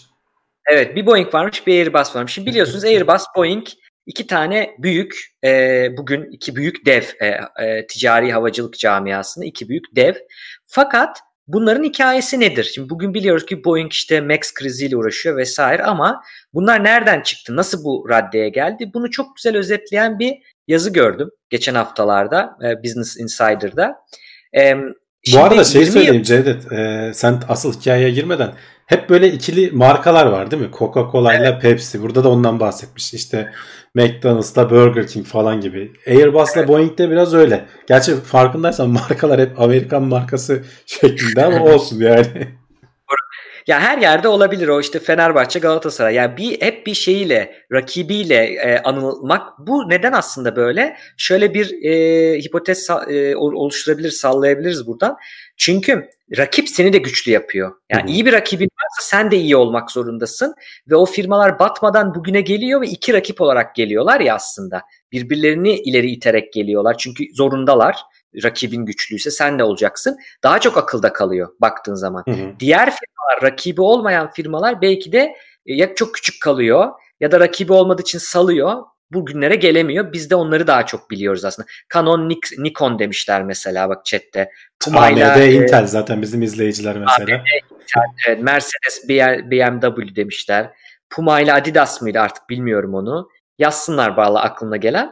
Bunlar da öyle bir firma. Yalnız burada Boeing, bu burada da konuşuyoruz. Hep söylüyorum işte Boeing zaten 1916'da kurulmuş çok eski bir e, aslında bir havacılık bir firması. Bir de sadece uçak üretimi gibi değil. Hani e, Airbus'a göre biraz daha geniş bir şey Airbus alanı var uydu falan da yapıyor bu. Yapıyor ama mu? Hani, var mı? Boeing kadar sadece, yok ama galiba. Yok Boeing evet. Boeing çok daha yeni. Askeri havacılıkta da var. Uydu işte bugün Starline, Starliner mıydı onun adı? Evet, evet. Starliner'larda da konuşuyoruz. Boeing de önemli firmalardan biri. Amerika'nın büyük devi. Boeing, Amerikan, Airbus, Avrupa ortaklık. Şimdi onu anlatacağım.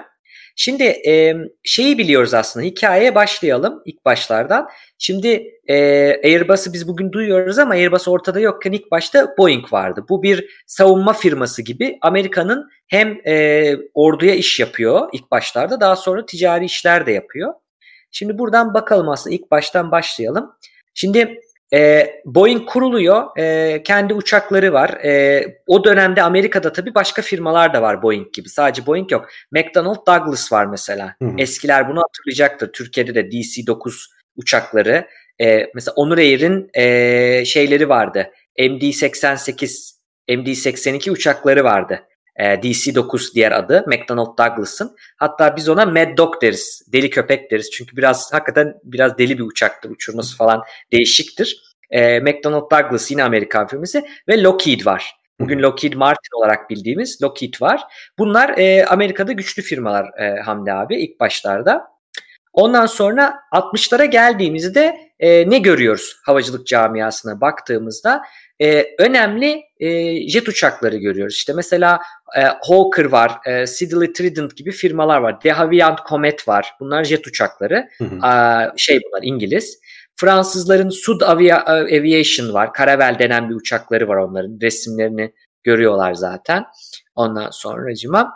E, Concorde var. Amerika ile işte şey, ne Amerikası, İngiltere ile Fransa'nın bir araya gelip yaptığı e, Concorde var baktığımızda. Hı hı. DC-8 var, DC-9 var Douglas'ın, McDonnell Douglas'ın ve Boeing 707 var baktığımızda. Bu Boeing 707, DC-8 ve Lockheed'in uçakları çok tabii şeyde durumda. Yani Amerika'da özellikle çok kullanılan e, durumda. Bu arada DC-8'in arkasına bakıyor musun egzozuna?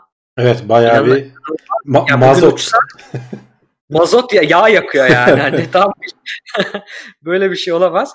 Ee, ondan sonra bu e, 60'lara baktığımızda yeni nesil uçaklar çıkıyor. Şimdi bunlara baktığınızda 707'ye falan bunlar daha nispeten dar gövde dediğimiz hani çok fazla sayıda insan taşımıyor ama Amerika içinde yapabiliyor ya da Avrupa'da kendi içinde işte e, Fokker Hollanda firması işte Fransız e, firmalar var işte demin saydığım İngil- İngiliz firmalar var. Kendi içlerinde taşımacılık yapıyorlar. Biri kıta Avrupa'sında biri e, kıta Amerika'sında.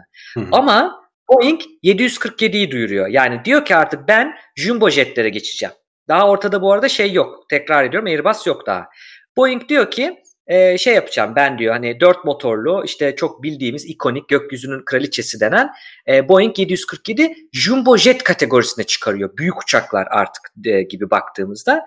Yine ona benzer aynı boyutta değil mi? DC-10, DC-11 var. Bu çok ilginç bir uçak bak. E, resmini görecekler bir altta. 3 motorlu. Kuyrukta da bir motor var. Kanatta 2 motor, kuyrukta bir motor var. DC-11 bugün MD-11 diye de geçiyor sanırım. Hala e, kargoda kullanılıyor bu arada. Lockheed'in L1011 Tristar'ı var. O da 3 motorlu bir uçak. Baya ama bunlar işte 250 falan satıyor. 200-250 e, civarında uçak satılıyor. Hani o zamanki şeyi düşünürsek. Şimdi geldik 69'a. E, on- 1916-69'a kadar. Şimdi 69'da e, Avrupa şunu görüyor. Yani Boeing çok büyük bir firma. Boeing'le bizim e, çünkü Boeing bir yerde şey de yapıyor. McDonnell Douglas'ı e, işte batıyor gibi oluyor onu satın alıyor. Lockheed'i de egale ediyor bir şekilde. Hani durum öyle gerektiriyor ki rakibi kalmıyor yani Boeing'in Amerika'da öyle diyeyim. O kendi klasmanında ve e, şimdi Avrupa'da kendi içinde yapabilirsin ama bu Fokker dediğimiz işte e, İngiltere'nin, Fransa'nın, İspanya'nın bunlar küçük küçük uçaklar. E, kıta arası uçmak için, daha büyük uçuş yapman için büyük uçaklar lazım. Orada da hiç Avrupalı bir üretici yok. Boeing'e muhtaçsın. Hı. Şimdi 737 falan var zaten. O da 60 65 diye hatırlıyorum. 65 veya 62'dir. Bunlar var zaten. Hani ama yine şey kategoride. Şimdi şey diyor ki e, Avrupa bizim bir şey yapmamız lazım. Biz bunu tek başımıza üretemeyeceğiz. Bir aslında anlaşma olarak ortaya çıkıyor Airbus'un şeyi. E, 69'da e, bir konsorsiyum kuralım ve şey diyorlar. Havacılık konusunda daha böyle işbirliği yapalım gibi Hı. çıkıyor. Bu konsorsiyumun anlaşmanın maddelerinden biri de Airbus'a her ülke kendi yapabildiği ölçüde katkı yapacak. Hani Airbus projesi devam edecek gibi bir şey çıkıyor. İlk başta Airbus'un bugün daha az bilinen A300B adında bir uçağı var. Şimdi bu A300B çok önemli çünkü e, Airbus'un e, şeyini ilk çıktığı uçak ve Boeing'in de Airbus'un da kaderini sonsuza kadar değiştiren uçak. Bu nokta önemli. Neden? Şimdi A300 uçağında e, şöyle bir durum var. A300 uçağı işte o Boeing'in büyükleriyle rekabet etmek için. Tam bir jumbo jet değil ama küçük de değil. Arada olmayan daha az olan bir kategoriye oynuyor aslında. Çünkü ona da ihtiyacı olan var. 747 uçurmak istemiyor adam.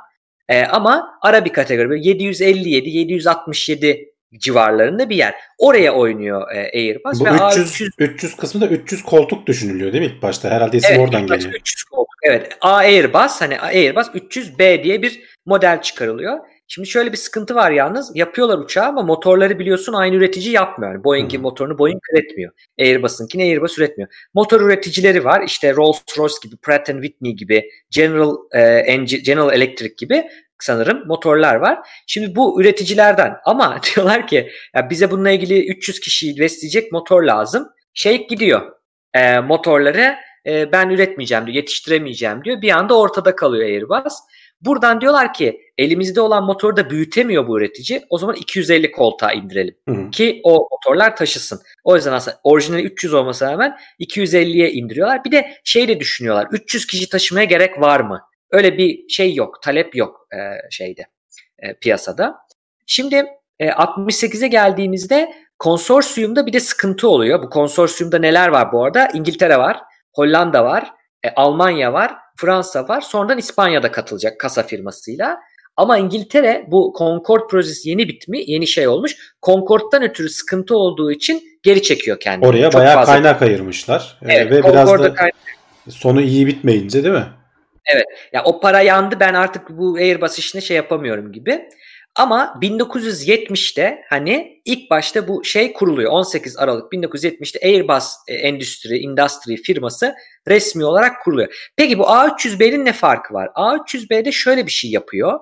E, diyor ki ben büyük teknoloji koyacağım. Her uçağımda yüksek teknoloji olacak. İşte glass cockpit dediğimiz yani elektronik ekranlar olacak.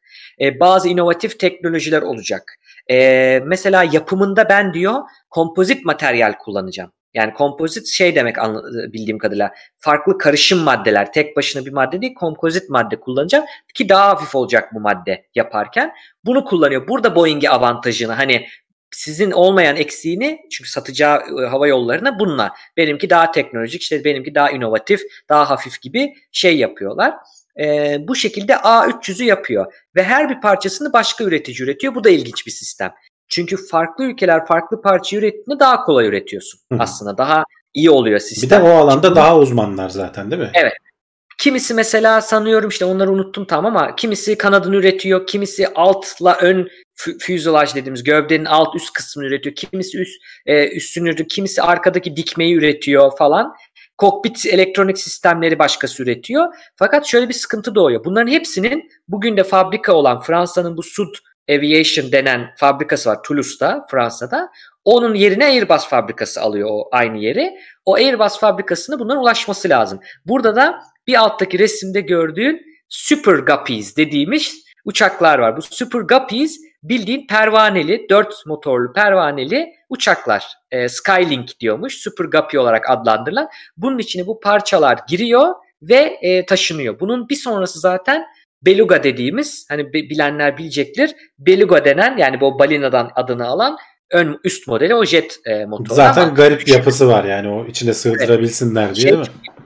1970'lerdeyiz. Şey çok ilginç yani. Sen jet motorlu A300B'yi üreteceksin ama onun parçalarını pervaneli bu Guppy ile taşıyorsun. Hani çok ilginç bir durum. Tabii sırf bu değil. Tren yolları ayarlanıyor, tekneler ayarlanıyor. Büyük parçalar o ağın bir kurulması gerekiyor bu firmalar arasında. Mesela kontrol yüzeylerini Hollandalılar yapıyormuş. Bu Fokker firması.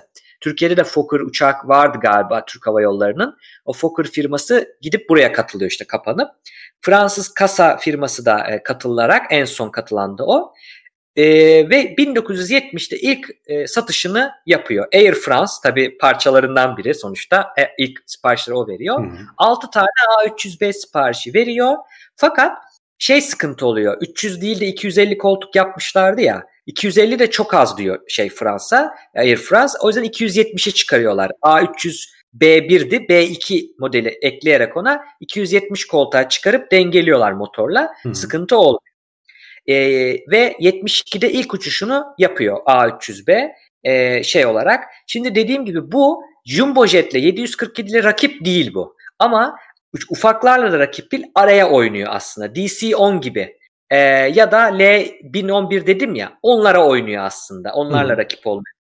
Ve orada Boeing'in e, şeyi e, yaptığı uçağı var 757 768 ama eski kalmış artık. Şey gibi değil, yepyeni değil. Bundaki teknoloji gibi değil. Şimdi buradaki sıkıntı şu. Boeing dediğim gibi çok güzel satıyor Amerika'da ama niye Airbus alsın Amerikalılar? O yüzden Airbus ilk başta dünyaya bir tur yapıyor bununla. yeni firma, yeni çocuk, e, Yani mahallelik Amerika'ya da satmak istiyorlar değil mi? Onları kendi evlerinde de şey yapmak istiyor. Başta satamıyorsun. O markete, o piyasaya giremiyorsun. Ne yapıyor? Mesela Avrupa turu yapıyor, global tur yapıyor. Güney, Güney Afrika hava yollarına satıyor. Tay hava yollarına satıyor. Kore hava yollarına satıyor falan. Ama Amerika'ya giremiyor. 78'de ilginç bir şey var. 78'de şöyle bir şey yapıyorlar. Eastern Airlines diye bir firma var. Daha sonra bu sanırım Delta'yı da satın alacak bir firma. Eski yani onun öncüsü büyük bir firma. Şu an biz ismini bilmiyoruz ama Amerika'nın o zamanın büyük hava yollarından biri. Ne diyor biliyor musun?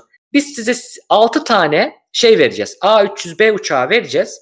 Bunları 6 ay boyunca deneme sürümü, trial version olur ya programlarda. Deneme sürümü olarak veriyoruz. 6 ay boyunca para almayacağız.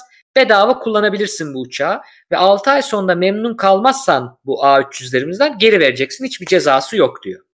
Sadece şeye para harcıyor. Işte boyamasına, iç dizaynına falan para harcıyor havayolu. Bu şekilde başlıyor ve adamlar e, çok beğeniyor Eastern Airlines. E, ondan sonra e, şey yapıyorlar. 23 tane daha sipariş veriyor. O 6'yı alıyor. Üzerine bir de 23 tane daha sipariş veriyor ve bu sayede ilk defa Amerika'da Airbus gözükmüş oluyor. Hı hı. 78'de bunun bir üst modelini çıkarıyorlar A310 olarak.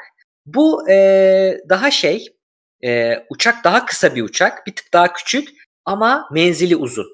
Şimdi arada teknoloji de geliştiği için daha aynı yakıtla daha uzun mesafe gidebiliyor. Menzili uzun olduğu için bu da işlerine geliyor hava yollarının. Bunları şey yapıyor. Şimdi burada bakalım Boeing ne yaptı 70'lerde Airbus'tan konuştuk bir Boeing'e dönelim. Boeing jumbo jetler satıyordu. Küçük e, dar gövde uçaklarda işte 737 gibi o uçaklarda da devam ediyor ama şey yapmıyor oralara çok e, durumda. A300'ün sattığı şeye e, 78'de 767'yi çıkarıyor. Özür dilerim eski demişim. Yeni çıkarıyor rakip olarak. Yani A300'ü çıkarınca Airbus. Boeing de 767'yi çıkarmak zorunda kalıyor ki rakip olsun gibisine. E, bu sayede 81'de o da e, devreye giriyor. Bu arada tabii Lockheed falan gidiyor. DC-10'lar Lockheed'lerin çok düşük şeyleri, pazar payları. Ya- Yani gitti gidecek durumdalar. Hı hı. Ee, ama tabii Airbus önce girdiği için o yeri kapıyor. Öyle bir yer ka- kabul ediyor kendini. Şimdi asıl önemli nokta buraya kadar böyle bir bir alanda, niş bir alanda satan bir firma. Amerika'ya da girmiş durumda ama Boeing'le karşılaştırılamaz. Yani Boeing çok büyük bir dev. Ne oluyor? Tek koridorlu diyorlar. Single aisle denir buna. Yani Hı ortadan tek koridor geçen gövde anlamında dar gövde diye geçiyor sanırım. A320'yi görüyor. Benim de arkada bu posterini gördüğünüz, kokpitinin posterini gördüğünüz şey A320 serisinin e, kokpiti. A320'yi duyuruyor. A320 çok önemli bir uçak. 81-82'de falan.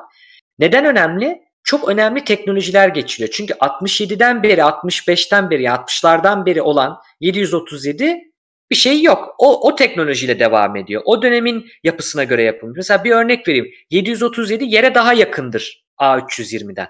Neden daha yakın? Çünkü o yıllarda servis sistemleri uygun değil. Bir havayolu limanına gideceksin. Yükleme yapması lazım. O havalimanında onun özel işte bandı, yükselticisi şey yoksa ne diyorlar ona e, yükleme hı. arabası ya da bakım yapacak yeri yoksa insanlar merdivenle falan motora çıkıp bakımını yapsın diye. Hani havaya mavaya gidiyor. Küçük havalimanlarına gidiyor. Onu düşünerek yapmış mesela şey e, efendime söyleyeyim e, Boeing eski olduğu için.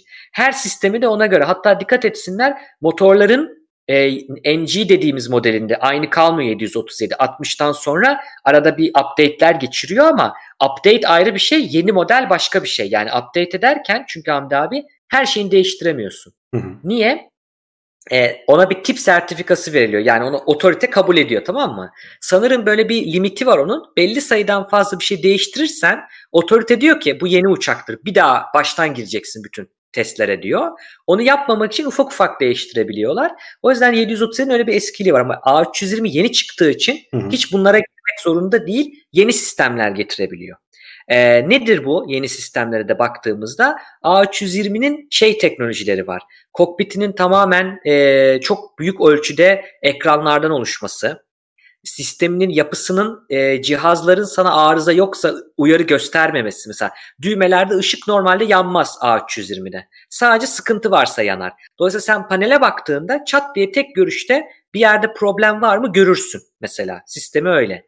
Ya da fly by wire dediğimiz bir teknoloji var. Yani senin uçağa verdiğin komutlar bilgisayardan geçiyor. Onun zekasından geçiyor ve tehlikeli bir şeyse yapmıyor onu uçak. mesela. Yere doğru düşürmeye çalışsan düşmüyor uçak. İzin vermiyor sana gibi böyle durumları var. Basitçe anlatıyorum tabii çok basitçe. Şimdi A320 çıktı dedik. E, dijital kokpit geliyor. Fly by wire geliyor dediğim gibi.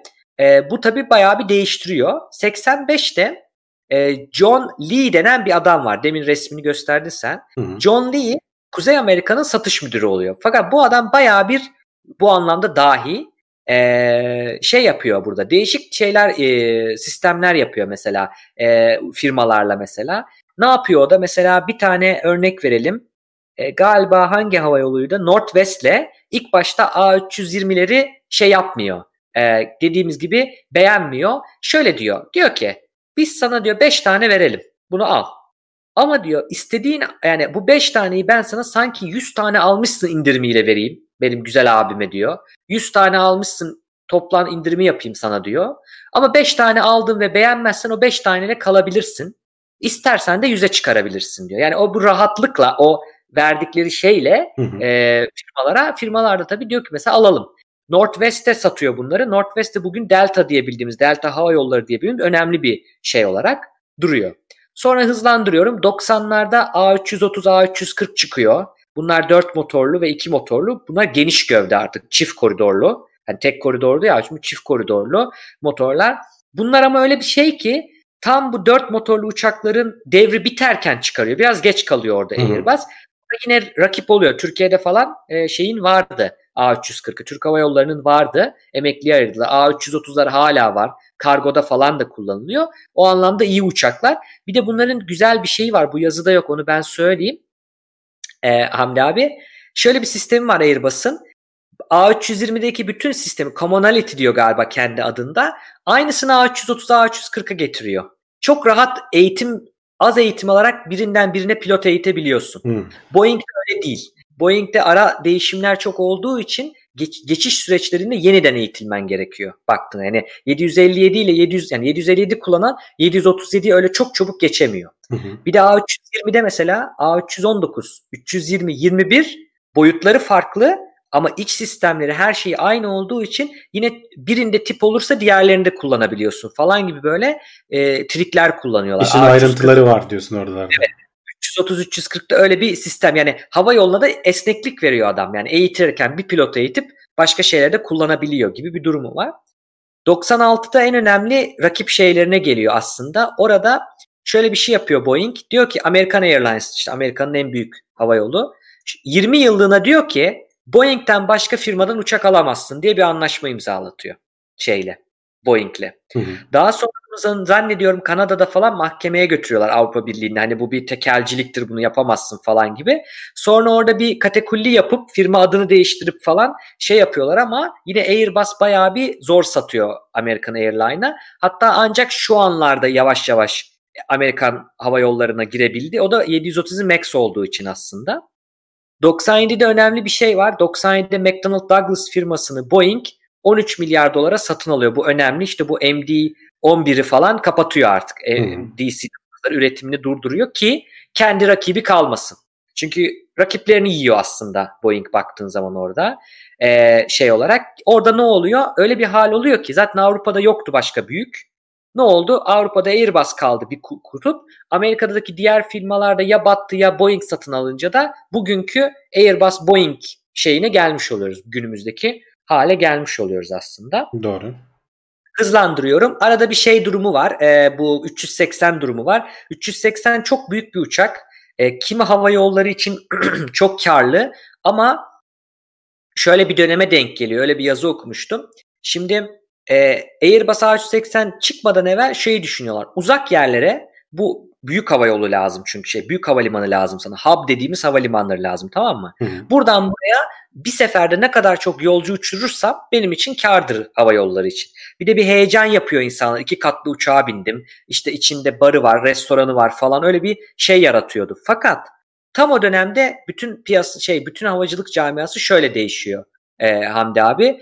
Diyorlar ki artık hub'lardan ziyade yani çok büyük gelişmiş bir havalimanından ziyade küçük uçaklarla gidelim. Yani 737 A320 gibi uçaklarla gidelim ama her havalimanına gidelim. Her yere uçalım. Orada da işte o şey devri kalkıyor o zaman. Bu büyük uçakla oralara gidemiyorsun. Hı. O uçak elinde kalıyor. O çıkıp o yüzden bugün bitti son uçuşlarını artık bu koronadan ötürü zaten yapılmayacak artık. Yani göklere veda etti gibi bir durumu var. 747 zaten çok uzun zamandır e, ticari uçmuyor. Sadece yani yolcu taşımacı yapıyor, kargo yapıyor diye biliyorum. E, dolayısıyla bu şekilde. Şimdi günümüze doğru gelirsek birkaç önemli nokta var. Bir tanesi şu. Bombardier'in çok güzel, küçük, bayağı küçük çevreci bir jeti vardı. Bunu bölgesel jet diyorlar. Yani Türkiye içinde uçuşlarda falan çok güzel yakıt anlamında, karbon salınımı anlamında kullanabileceğim bir uçak. Bunu gitti Airbus satın aldı o serisini, C serisini. Hı hı. Airbus A220 diye bir uçak çıkardı. Bunu söylüyorum bu çünkü gele- gelebilir yakında. Türkiye'de de olabilir. Görürseniz hani şaşırmayın gibi. Bayağı güzel bir uçak o anlamda. Hani yeni yeni şeyleri söylüyorum. Onun dışında A320 Neo çıktı. O da bugünkü Max krizine sebep oluyor aslında. Neden? Şimdi dedim ya A3, bir uçağı üretiyorsun tipini değiştirmek için küçük değişiklikler yapman lazım değil mi? Hı hı. Şimdi 320-80'lerde çıkmıştı hatırlayalım. Zaten iyiydi. Ama ne lazım?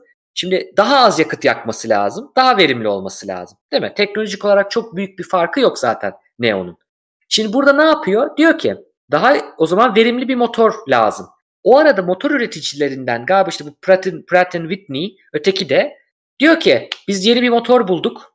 Çok daha verimli. %10, %16 daha verimli diyor. Süper, müthiş bir haber. Ama bir sıkıntımız var. Motor daha büyük. Yani çünkü o turbo fan, fan kısmı daha büyük. Hı hı. Şimdi Airbus da burada diyebiliyor ki Airbus dedim ya daha sonra üretildi. O dönemde artık bütün ekipmanlar vardı. Yere yakın yapmak zorunda değildi. O yüzden yerden daha yüksek kanatları. Tekerlekleri daha yüksek 320'nin 737'ye göre. Hı hı. Tamam diyor biz takarız. Çünkü bizim zaten boş alanımız var. Sıkıntı olmaz. Yani yere çarpma, yere çok yakın olmaması lazım motorun. Buradan kurtarıyor bizim uçağımız. Ve hiçbir karakterini, uçağın yapısını değiştirmediğim için motor değiştiriyorum. Bir de bak bu resimde göreceklerdi. Kanat ucunda sharklet dediğimiz ya da winglet dediğimiz yukarı doğru kıvrık yüzeyler var. Bu yüzeyi biliyor musun Hamdi abi? Çok basit bir şey ama acayip derecede sana yakıt tasarrufu sağlıyor Hı sürtünmeyi azaltarak acayip bir yakıt tasarrufu sağlıyor. Detayını anlatmayacağım. Bunu koyarak, bu iki şeyi koyarak toplamda 320'ye göre 320 Neo yani New Engine Option'dan geliyor yeni motor opsiyonu. E, %16 civarı bir tasarrufu var. E, hava yolu için çok önemli. Hani her gün uçtuğunu düşün. Tabii. %16 toplamda çok büyük sana şey getiren bir durum. Buradan şimdi bunu yapıyor ama bu neden 737 Max krizine sebep oluyor? Elini zorluyor. Yani bunu Airbus bu anda o anda yapmasaydı Boeing Max'e girmeyecekti. Max işine girişmeyecekti. Hı hı. Hep birbirleri dengeli. Hatta benim e, e, izlediğim bir belgeselde şey diyordu. Airbus'un da sonuç üretim kapasitesi sınırlı. Boeing'in piyasadan çekilmesi Airbus'un işin içine gelmez. Airbus için zayıf ama piyasada duran bir Boeing lazım. Çok da zayıflamaması lazım. Yani şu an Boeing'in üretimleri durdu ya Airbus için bu iyi bir şey değil aslında. Çünkü üretim kapasitesi yok adamın. İstese de satamıyor. Boşa gidiyor aslına baktığında. Evet. Dolayısıyla o kararını iyi alması lazım e, Airbus'un. Neyse bunu yaptığında tabii Boeing'ini zorladı. Boeing de tabii şunu yapamadı ama. Bütün modeli tipi yeni bir tipe tip almadan çok çabuk yapması lazım. Uzatmaması lazım. Ne yapacak? E, ben aynısını yapayım. E, tamam motor aynı motor. Bana da verebilir. Boeing'e de verebilir o aynı motoru Pratt Whitney. Veriyor ama Boeing'in ne dedik? Yere daha yakın. Yere sürtmek zorunda. Ne yapacak o zaman? Uçağı da değiştiremez. Kanadı da yükseltemez. Motoru öne ve yukarıya alıyor. Tamam mı? İşte bu bütün bugünkü Max krizine sebep olan hadiselerin başlangıcı. Çünkü bunu böyle yaptığında uçağın şey sistemi bu e, bütün e, nasıl anlatayım uçuş karakteristiği değişiyor. Hı hı. Bunu da otomatik bir sistemle düzeltmeye çalışıyor Boeing. Fakat bunun doğru eğitimini vermiyorlar. Çok çabuk öğrenilecek bir şeymiş gibi yapılıyor. Ve bugünkü o Max kazalarının sonucu o. Yani pilotların bununla ilgili bilgisinin az olması. Çok çabuk hani sen 737 pilotusun bir saat bir buçuk saat eğitimle artık 737 Max pilotusun. Hadi otur denmesinin sebebi birazcık o şey yani tek sebep bu değil ama özetleyeyim. Yani böyle bir hikayesi var arkasında. Sonra Airbus işte 321'e de aynı teknolojiyi getiriyor. 330'a da getiriyor.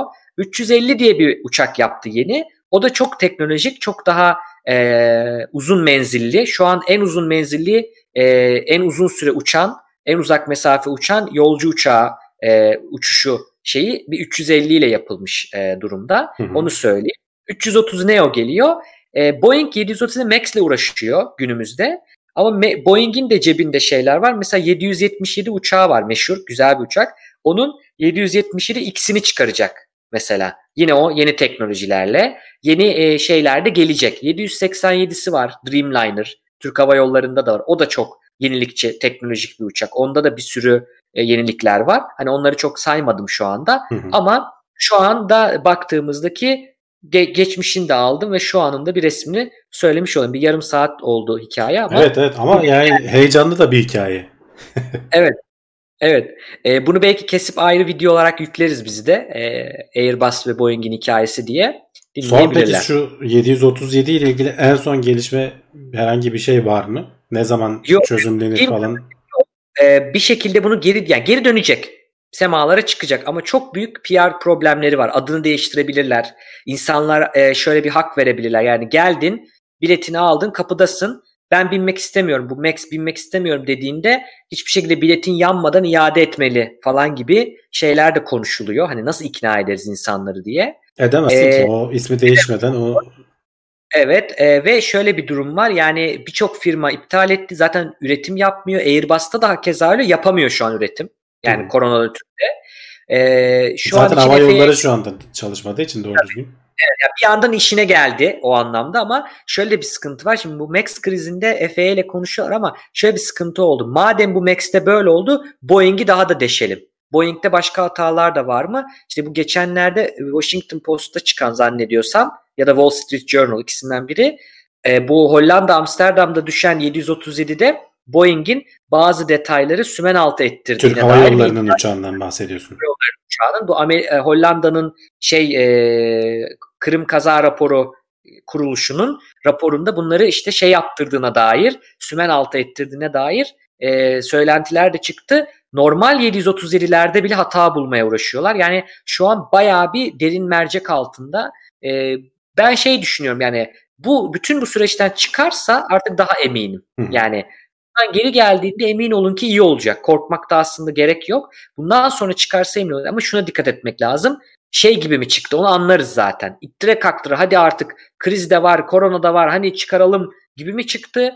Yoksa bunlar raporları başkaları da okudu gerçekten denetlendi de mi çıktı gibi bakmak gerekiyor. Çünkü 737 kötü bir uçak değil. 737 bayağı çok satılan, hani Airbus'tan sanırım daha çok satılan, çok e, yıllarca uçan ve güvenliği belirlenmiş artık bir uçak. Yani Air, e, Air A320 ile 737 güvenlik açısından karşılaştırdığında, yani güvenlik derken ölümlü kaza diyelim. Yani kaza ya da ölümlü kaza bakalım. Yani yakın istatistikler öyle çok büyük uçurum yok. Dolayısıyla hani kötü bir uçak değil ama Max'i doğru eğitim alınırsa ve diğer bütün problemleri çözülürse bu arada zannediyorum ki Max bir tık daha az yakıyor. Hı. 320 Neo'ya göre. O yüzden öyle de bir durum var. Ee, bakalım ne olacak. Hani şey de çünkü 787 çok güzel bir uçak. Cidden kompozit gövdesi falan olan yenilikçi bir uçak. Bir sürü teknolojileri var içeride. Hani incelesinler onu. A350B e, XVB Ultra Wide Body dediğimiz ve 787 e, dediğimiz bu iki uçak geleceğin uçakları çünkü tek koridorlu, iki motorlu, çok büyük değil, çok yer kaplamıyor hangarda her kapıya yanaşıyor falan. Hem de çok yolcu alabiliyor ve çok konforlu uçuyorsun. Çünkü uçak büyüdükçe senin türbülansı hissetmen falan azalıyor genelde. Hı. Genel çok genel geçer söylüyorum. Ve mesela 787'de şey sistemi var.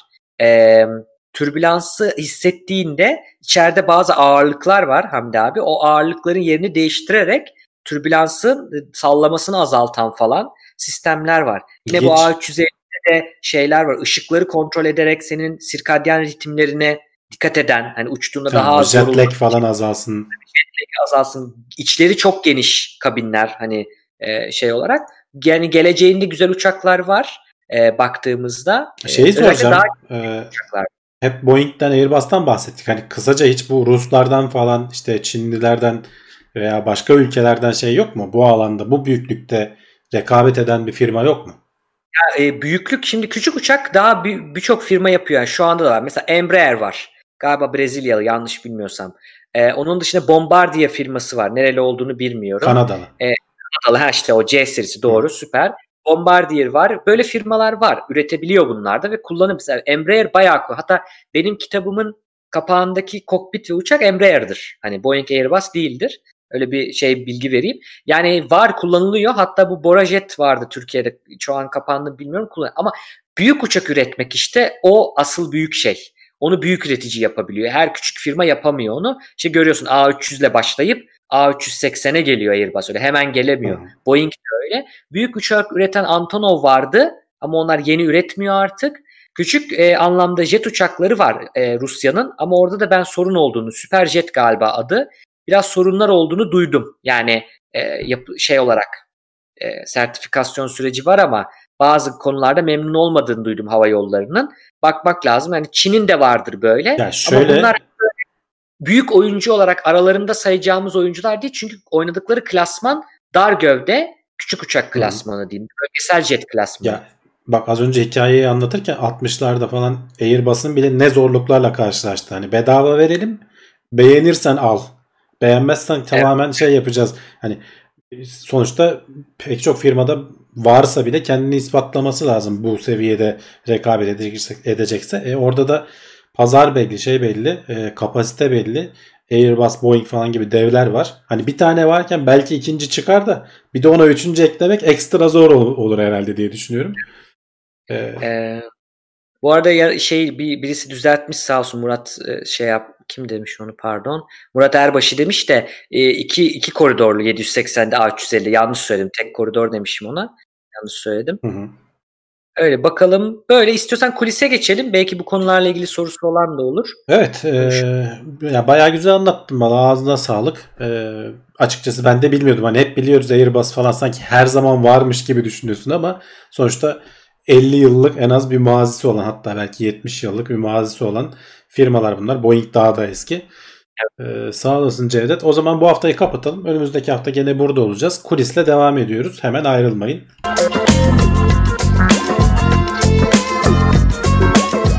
Tailwords teknoloji ve bilim notlarını sundu.